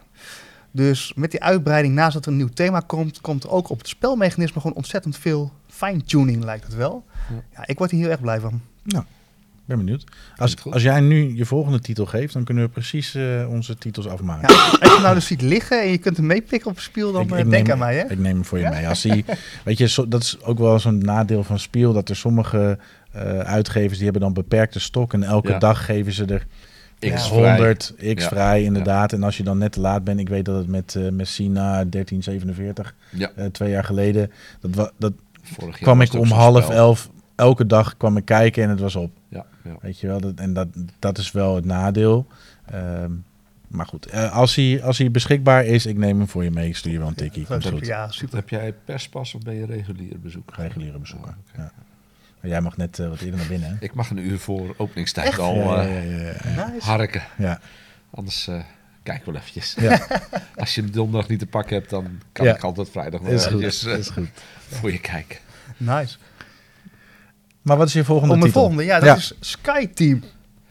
Heb ik ook in de hotlist. Het, zag er wel interessant uit. Ja, ik hou dus van als spellen weer iets doen waarvan ik denk, vet, hè? thematisch vet. Dit is dus dat je een, eh, een vliegtuig gaat besturen. Dus je wil een vliegtuig van A naar B krijgen, naar een eindbestemming. Je ziet ook letterlijk een soort van cockpit voor je. Het is een co-op twee-spelerspel, waarbij de een de piloot is, aan de linkerzijde en aan de rechterzijde de co-piloot. En eh, voordat je met, het is een dice placement spel, dus je gooit een aantal dobbelstenen in. Die kan je dus in die cockpit gaan plaatsen door gas te geven, eh, te gaan eh, sturen in de, in de balans, hè, voor het sturen van, de, van het vliegtuig. De, de flaps, de brakes, alles zit erin geïntegreerd. Maar het is dus op het moment dat je dus die dobbelsteen hebt gegooid en je gaat als bijvoorbeeld piloot de actie doen, mag er niet meer met elkaar gesproken worden. Dus je kunt van tevoren wel een soort van strategie samen bedenken. Maar op de cruciale momenten zul je toch ja, Je eigen zonder koers moeten communicatie ja, je eigen koers moeten Maar, maar niet solo speelbaar dus? Dat durf ik niet te, eh, te zeggen nu. Eh, maar volgens mij is dit zo'n spel wat je ook misschien niet solo moet willen spelen. Omdat juist daar zit dus de... De lol Oh, van. Bastiaan, wij gaan samen in het vliegtuig en we gaan kijken Of we gaan of we neerstorten. gaan- Ja. En ik, zou, ik heb dus ook een playthrough al gezien met, eh, met Rado, die, die dat dan met iemand doet. En eh, een van de acties van de co-piloot is dat je dus ook kan communiceren met de... eh, Oh, de- de- de, de, radio, eh, hè, de, Ja. tower. ground force, de tower. tower. Ja. Ja, dan ga je natuurlijk geheid krijgen dat je gewoon ook zo gaat praten en zo. Ja, die gasten zaten gewoon in een cockpit voor- in hun beleving, weet je wel. En volgens mij zei ze, ik heb niet helemaal tot het einde gekeken, maar de kans dat ze gingen neerstorten, ja, die was heel groot. Dus het gaat gewoon zo, zo shit is gonna hit the fan. Ik zie, ik zie nu gewoon een plaatje voor me waar jullie inderdaad in die cockpit samen zitten. En ik daar in mijn live vest daarachter gewoon meekijkend of jullie het gaan, goed gaan regelen. Ja, sterker nog, jij vliegt er al uit voordat we Ja. opstijgen. Schop die gast eruit. Overbodige ballast. nou ja, ik neem het risico niet eens. Dag. Heerlijk. Ja, Ja, dus dat is echt eh, eentje, volgens mij qua thema uniek. Weer eventjes hè, met z'n met z'n beiden in een, in een cockpit, co-op. En eh, ja, Hij kreeg een soort Captain Sonar vibe. ja, ja, ik zat ook in een beetje een U-boot te denken. Dat Ja, je, ja, ja. Zo'n flight simulator. Oh, Lord Oeboot. Ja, als je Oh, daar zeg je wat, hé. over heftige titels in mijn leven. Och, de tandjes. Ja, ik heb nog nooit acht uur eh, moeten spelen voordat ik door had hoe het spel werkte. Na vier uur voorbereidingstijd. Ja, ja, ja. ja. En, de- en, en een uur opzettijd om die boot netjes in elkaar te Ja. knutselen. Eh, Oeboot. ja ik heb voor een de- video gezien op zijn kanaal. Oh ja, oké. Ja. Nou ja, wij hebben echt aan tafel gezeten en ik zat daar als een debiel met een iPadje rond te draaien. Van, oh, zie ik überhaupt nog wat gebeuren? Nee, nou ja. Wel, het was een super toffe ervaring, Ja. maar een, een lange ervaring. Ja, dit is echt een spel dat is voor de hardcore onder de hardcores. Ja. Maar als je eenmaal dan, ehm nee, die wat ik zeg in mijn review ook, die tweede dag, dus de tweede keer dat we acht uur gespeeld hebben, ja, je zit echt in die, in die fucking onderzeeboot en oh, zo spannend wat we allemaal meegemaakt. Het is een Dungeons Dragons ervaring. Je hebt met elkaar aan tafel iets meegemaakt zonder dat je het meegemaakt hebt. Ja. Want we zijn niet midden op zee geweest en we hebben geen eh, boten tot zinken gebracht en we zijn niet achtervolgd door mijnenjagers. Maar dat kan ik me heel levendig herinneren dat dat wel gebeurd is. Ja. Nou, en Jelle heeft het altijd over dat hij graag eh, dat escapism, hè, dat hij wil in die wereld verdwijnen van het bordspel. Ja. Wat hij dus bij het dorp ook voor elkaar weet te krijgen. Niemand snapt hoe, maar Jelle kan het. Eh, whatever. Misschien is Jubo dan wat te hoog gegrepen. Nee, maar. In een U-boot Jelle, daar ga je iets ervaren. Echt. We zullen voorzichtig beginnen met patiënt. en dan van daaruit bouwen we richting. Lekker. Ja, Ja. ja. je wordt... eh, Geroost. Ja, lekker. het zal wel een terugkerend thema zijn in de podcast. Ja. ik zal het eens terugluisteren. Nou, kom maar door. Eh, Bas, wat is de volgende titel waar je naar uitkijkt? Eh, de volgende die in mijn oog ving is het spelletje Run eh, van Fowers Games. Een twee-spelerspelletje. Ehm, en dat pakte mij omdat het een, eh, een snel kat-en-muis spelletje is met een hidden movement. En ik vind dat soort hidden movement altijd heel erg leuk. Zoals in uh, Brieven naar Whitechapel en, eh, en dat soort soortgelijke spellen. Eén speler is de runner. Die gaat over de skyline van een stad rennen. En je zag allemaal verschillende skylines waar je over in. Dus je gaat echt via de daken hoppen. Ehm, en die probeert ehm, eh, de stad uit te navigeren. En de andere speler is een operator, een dispatcher, die de politie erachteraan stuurt met helikopters, patrouillewagens en wat dan ook. Ehm, en als runner moet je met een beperkt aantal tegeltjes proberen de beste route te doen en je tegenstander te slim af te zijn. En de andere eh, die eh, ja, probeert jou gewoon keihard te vangen. En elke beweging die je doet laat weer sporen achter eh, om dat op te vangen. Maar het twee-speler aspect van dit concept vond ik heel, heel interessant. En daar was ik heel erg benieuwd naar. Want ja, ik vind eh, ja, spellen zoals eh The Fury of Dracula, Brieven naar Whitechapel, dat je inderdaad hidden movement hebt en dan achter zo iemand aanjaagt. Dat is voor beide kanten spannend. Gaan we hem bijna vangen en... En nu kun je het met z'n tweetjes doen. en dat is wel een charme. Ja. Ja. Dus dat leek me heel erg eh, lijkt me een interessant Is het een bordspel of een kaartspel? Of? Het is een bordspelletje met allemaal mini-bordjes van als het ware een stad van bovenaf. En de runner heeft dan allemaal tegeltjes met bepaalde movement die hij kan gebruiken. En dan de dispatcher zet bepaalde dingen in om hem eh, ergens te onderscheppen of te vangen. Hm. Ja, dus het is echt eh, het hele concept klein gemaakt. Het doet mij wel denken. En dit, dit pakt mij. Je hebt het artwork ook voor je liggen. En dat is, ja, wa- wat is het? Een soort jaren 50, 60 Ja. filmposter-achtig eh, artwork. Ja. Dat, dat triggert mij, vind ik leuk. Maar het doet me tegelijkertijd denken aan een spelletje wat 99 uitgebracht heeft. Waarbij één de politie is en de ander de auto. Ik kan echt niet op de titel komen. Ja, ik weet precies welke maar dat vond ik zo'n. Ja, Het had veel te veel onnodige regels. Ja, Ja, de Chase, was dat die? nou ja, het, Ja. was in ieder geval eentje die, die in de winkel ook helemaal geen fluit doet. Maar ja, dat, weet je, als je er zelf niet achter staat, hoe kun je hem dan in godesnaam aan iemand aanraden? Maar hier zie ik de, de schoonheid van de eenvoud, zag ik hier een beetje in terugkomen. En mooi. daar zat inderdaad die. eh, Het spel was op zich heel leuk, maar. Laten we zeggen, ik ben wat regels gewend. En ik kan me nog herinneren dat ik een pittige tijd had om de regels te doorgronden. Nou, Voor een klein spelletje. voor een klein spelletje, voor twee spelers, ja, dan wordt het al gewoon een hele lastige cel. Ja. Ja, Dus Run van Fowers Games. mooi. Ik, eh, ik heb er ook nog eentje en dan eh, kunnen jullie meteen je derde erachteraan gooien. Eh, Nucleum. Eh, stond ook vrij hoog in, eh, in de, hotnesslist. Ja. En eh, waarom het mij triggerde? Ten eerste de, de doos, als je die, dat plaatje opzoekt. Heel je ziet een soort donker thema, maar er zit zo'n nucleair gloeiende Ja. streep doorheen, zeg maar. Er gaat iets mis. Deed me En- een beetje denken aan een steampunk koperen ketel precies. met zo'n nucleaire gloed door de gleuven. Ja, precies, zoiets. En dus die triggerde mij ten eerste al toen ik zo'n beetje zat te bladeren. Maar toen las ik de beschrijving en die, die ging als volgt. Ehm, in het spel ervaar je de industriële revolutie in een alternatieve tijdlijn. En toen dacht ik, oké, dit wil ik ervaren. Want ten eerste, we hebben het weer een stukje geschiedenis. Ik ben weer aan. Ja. Eh, ik hou een beetje van als ze dat doen. Maar een alternatieve tijdlijn. Dus ik kan me zo voorstellen dat er in dat spel ontwikkelingen anders gaan dan zoals we dat gewend zijn. Misschien is de lopende band die Ford uitgevonden heeft wel helemaal niet de sleutel om daar de boel goed te laten draaien. En ik dacht, ja, dit spel dat wil ik gaan bezoeken als ik straks op speel ben. En eh, als ik het wat vind, dan gaat hij mee. Ja, snap ik. Ja, ik vond het ook het artwork en het idee eh, intrigerend. Ja, dat. En dit is ook het spel wat ik in de vorige aflevering ook heb benoemd, hè, als, eh, als spel van... Toen, toen werd hier kort de vraag gesteld. Dus in jouw onderbewustzijn is het zo dat je Ja. eigenlijk geïnspireerd bent door mijn eh, oh, wat input. goed zeg. Oh, Het is toch een natuurlijk team. Dat ik Ja. hier tussen zit is gewoon bijna een schandvlek op deze podcast. nee, maar dit, is- dit, is gewoon, dit is gewoon geschiedwaardig. Jelle inspireert mij. Nou, de complimenten gaan ook wel heen en weer. Dat is, Zoals eh, het leven loopt. ja, ja, ja, dat is dan weer de ja. slogan van het dorp. Ja. Ja. Nou ja, weet je dat ik me dat dus gewoon niet kan herinneren? Dus dat was in de vorige aflevering, echt drie weken geleden of zo. Zeker, eh, ja. ja. Oké. Ja. Nou Want dat maar is misschien- namelijk, toen heb ik nog verteld van, dat is van, eh, volgens mij van Barrage en een beetje in diezelfde, ja. het is van dezelfde Ja, eh, ja, maker. ja. Bedenken. Nou ja, dankjewel. Ik, eh, Graag gedaan. ik ga je laten weten of hij daadwerkelijk aan, aan de verwachtingen voldoet. Of ja. Ja. Overigens, Jelle, jij inspireert mij op heel veel verschillende niveaus. Niet Dat is allemaal even wederzijds. goed. Ja. jij, jij inspireert mij op Locana. Nou, dat is goed. Ja, ja. Dat was vrij makkelijk, hè? heel laag hangend fruit. Ah, ja. Oh, heerlijk. Ehm, even kijken, ik had er nog een derde gevonden waar mijn ogen opgevallen was. Almost Innocent van Colossal Games, eh, onderdeel van Matago. Ehm, een coöperatief deductiespel met een progressief verhaal waarin je dus met elkaar aan het werken bent. In een scenario Er zitten verschillende scenario's in. Om je onschuld te bewijzen. Dus er ligt op tafel liggen allemaal mm, aanwijzingen, verdachten.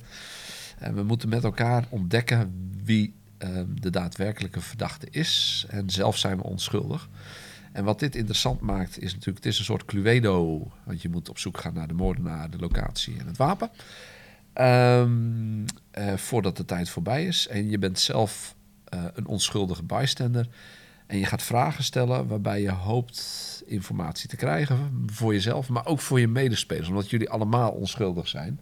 En we moeten in Cluedo moet je zelf zo snel mogelijk de moordenaar vinden. Hier moeten we met elkaar die moordenaar gaan vinden.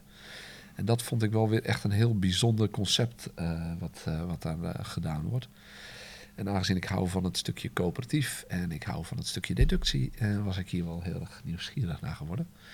Dus Almost Innocent was zo'n spel waarvan ik zeg, "Maar, ga toch eens even een blik op werpen. Ja, eh, help ons even, Colossal Games. Er er zijn titels, maar het komt even niet boven. Weet je zo nog eh, titels van de afgelopen jaren van hen? Niet zo uit mijn hoofd, maar dat komt omdat ik zei, ze zitten onder de Matago paraplu en die zit weer onder Asmodee. Dus Ja. soms is het eventjes lastig van hoe komen ze hier in Ja. Nederland terecht. Hmm. Oh, sorry. Ehm, maar ehm, ja, het, het feit dat je dus met elkaar verantwoordelijk bent voor de oplossing van een andere speler en dat dan eh, met elkaar proberen op te lossen, ja, dat vind ik super gaaf. Ja, en deductie is gewoon eigenlijk bijna altijd tof. Eh, Ja, als het goed gedaan is, eh, ja, word ik daar wel warm van, ja. ja. Dus eh, ik zag dat de Kickstarter net uitgeleverd is, dus eh, Dus hij zal op spiel verkrijgbaar zijn. ja, ja want ik eh, ben heel benieuwd. Mooi. Wat heb Ja, jij dat nog? lijkt me ook leuk. Ja. Ja, mijn laatste is, eh, nou ja, ik heb ook een eh, soort van gevoel hierbij van pak mijn geld, maakt niet uit wat het kost, ik moet het hebben. en dat, ja, ik ben dus wel gevoelig voor het thema. Het is een spel wat ook al wel eerder op speel is geweest, maar nu volgens mij echt te koop gaat zijn. Unconscious Mind. En dat is eigenlijk een spel eh, ja, over psychoanalyse van Freud. En nou ja, naast een grote liefhebberij van bordspellen vind ik, ja, hoe zeg je dat? Het afreizen in je eigen psyche. En ik heb ook wel eens met wel positieve ervaringen met plantmedicijnen. Nou goed, ik heb hier en daar eh, wel eens verschillende lagen van het leven ervaren. En dat vind ik super interessant. En dit spel is dus precies over dit soort aspecten. Want in dit spel ehm, ja, ben je dus eigenlijk Freud. En eh, krijg jij patiënten langs. En die eh, ga jij in, door het bestuderen van hun dromen, ga je die beter maken. Dus je moet letterlijk in hun mind gaan duiken. En het is een worker placement spel. En eh, Even, even voor, de, voor de mensen die niet kijken. Bastiaan die haalt zijn mooie vulpen uit zijn zak, eh, die hij ooit van een werkgever heeft gekregen. En maakt notities. Dus eh, Jelle inspireert. Nou ja, dat klinkt als een uitzonderlijk uniek concept. ja, En daar trigger ik op, want dat zijn natuurlijk de dingen die de hobby zo leuk maken. Dat er iemand iets zo bijzonders heeft verzonnen en een spel ervan gemaakt heeft. ja, Ja, dat vind ik, ben ik altijd genieuwsgierig van, wat- is het? ja. Nou ja, en je krijgt dus echt, dus er komen mensen eh, met een probleem. En dan ga je in een soort van worker placement tafereel, en supermooi artwork trouwens, eh, heb je een soort gebieden van groei, passie of vrijheid. En daar worden ze in gestagneerd. En jij gaat zeg maar eh, daarin, maar dan is het dus ook nog eens zo, ja, dat is bijna in Inception heet die film, er zit Ja. zoveel lagen in. Je hebt dus zeg maar eerst de droom, waar je induikt en waar je dus informatie gaat ophalen. Maar dat is gewoon de, de droom zoals die was. En dan heb je letterlijk een soort van velletje wat er overheen ligt, wat je eraf kan halen.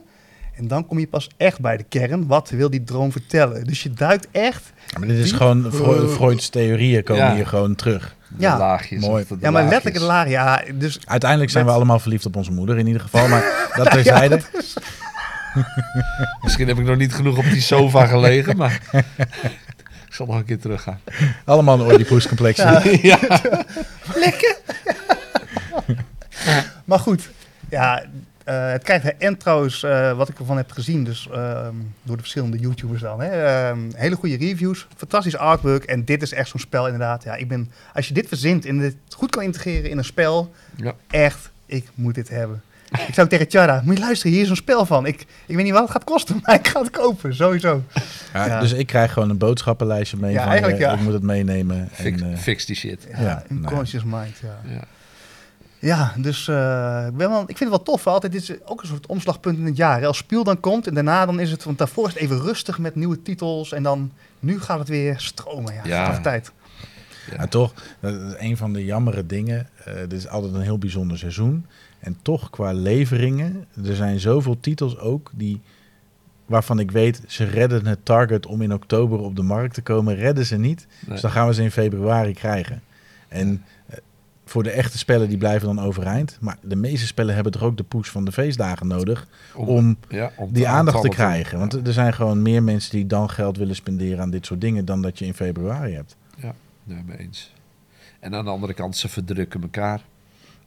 Ik bedoel, wij hebben allemaal door die hotlist zitten kijken en we hebben al allerlei verschillende titels. En jullie zien het al, ik heb hier nog wat andere afbeeldingen van titels waar mijn oog op gevallen is. En wat ik al zei, die hotlist is 1200 nog wat spellen. Ja, ehm, met, volgens mij is dat mijn hele jaar, of mijn, mijn- alles wat ik gedaan heb in de alle jaren. Mhm. En dat komt nu eventjes in spiel, komt dat zo. Ja. Ha, hoppata. Ja, eh, die gesprekken hebben we natuurlijk in de winkel ook veel Ja. met mensen die komen dan binnen en zeggen: eh, Hebben jullie ook computerspellen? Nee, we hebben echt alleen maar bordspellen en puzzels. Maar zoveel. Ik zeg ja, weet je, er komen jaarlijks komen er duizenden nieuwe titels die proberen een plekje op de markt te veroveren. En als ik naar Spiel ga, dan geef ik dat altijd voorbeeld. Stel dat er, eh, nou, laten we die 1200 aanhouden, die 1200 titels die daar voor het eerst gereleased worden op een paar testversies na, daar ga ik er misschien 300 dat ik denk van ja, dat zijn titels die potentie hebben. En van die 300 moet ik dan de keus gaan maken. En waarschijnlijk ga ik daar maar 50 of zo van in de winkel krijgen. Ja, maximaal. Ja, dus Ja. eh, weet je, meer ruimte hebben we fysiek ook niet. Maar ook je kunt niet zo dun verspreiden. En nou, dan hebben we het helemaal nog niet over de spellen die, eh, die vijf, zes, zeven jaar lang overeind blijven in alle nieuwe titels die er elk jaar weer overheen komen als een tsunami. Ja, dat zeker, ja. Nou ja, dat is het fijn dat er eh, zoiets als een podcast is als dit. Dat je een beetje wat richting krijgt. Ja, nou, ik ga ook even één voorspelling doen. Ik zie één titel op jouw lijstje staan die niet is benoemd. Ik ga nu een uitspraak doen, die gaan we over een jaar checken. Forest Shuffle. Daar Oh. gaat het internet gaat los. Dit, dit gaat het spel zijn waarvan jij volgend jaar zegt...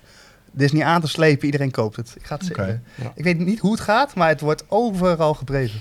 Ja, the Spire is uit een, een serie spellen. Ja. Dus eh, ook eentje die al wel wat following heeft. En dus ook wel een impact zal maken, denk ik.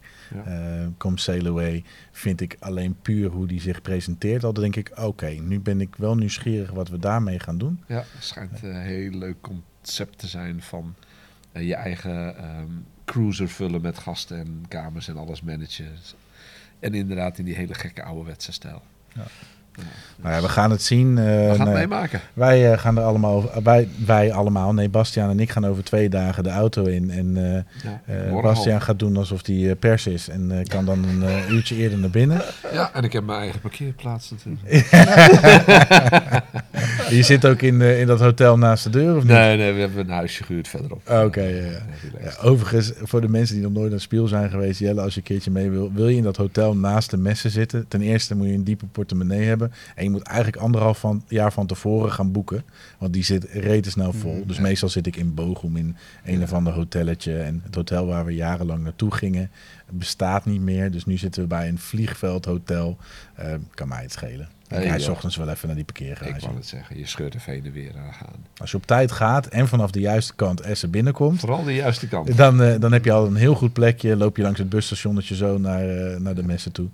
Ja, ze hebben ons wel helaas van normaal mag je als pers mocht je op P6. Mhm. Dat is de parkeerplaats onder de hallen.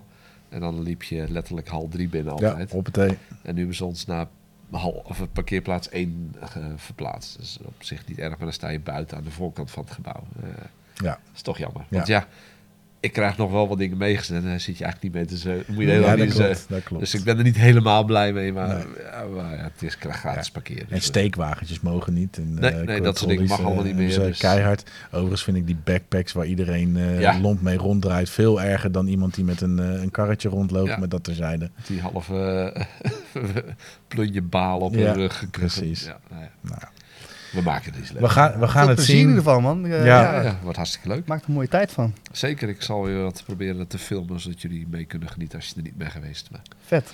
het is, eh, ja, het is, het is een ervaring als je echt een spelliefhebber bent en je hebt bijvoorbeeld al wel eens een keer het spellenspectakel meegemaakt.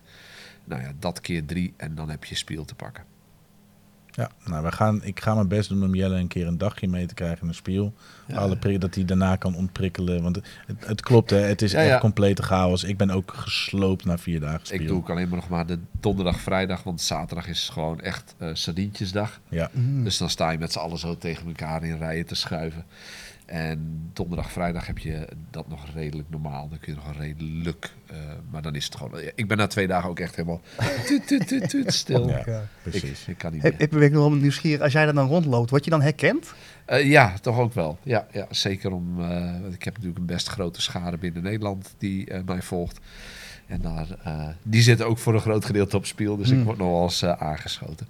En ik heb steeds meer connecties binnen de uitgevers. Die beginnen me ook op te, eh, op te, te vinden. En daarmee bedoel ik dus vooral de, de buitenlandse uitgevers. Dus Vet, ja. dat vind ik wel heel erg leuk. Dus ik ga ook even wat mensen af waar ik al heel lang mee samenwerk, maar die ik nog nooit fysiek ontmoet heb. Zoals Tabula Games uit Italië is even een keertje elkaar echt ontmoeten. Vet hoor, ja. Ja, dus dat is wel heel erg leuk.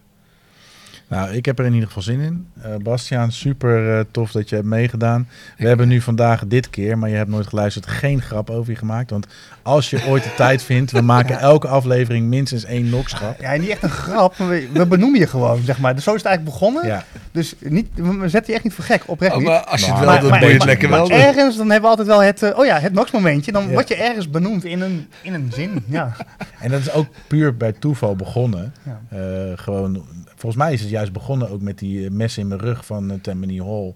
Dat, eh, dat, dat, ieder- iedereen die mooie rustige kerel ziet die zo rustig en, en gebalanceerd zijn spelletjes uitlegt. Maar vervolgens dan speel je een spelletje echt compleet roekzichtloos dwars door je plannen heen walst. En dan zegt, ja, dat heb ik toch uitgelegd. Daar had je op moeten letten. Je bent gewoon een domme lul. Ik kan me herinneren dat die laatste zin een soort van eh, dichterlijke vrijheid is. Maar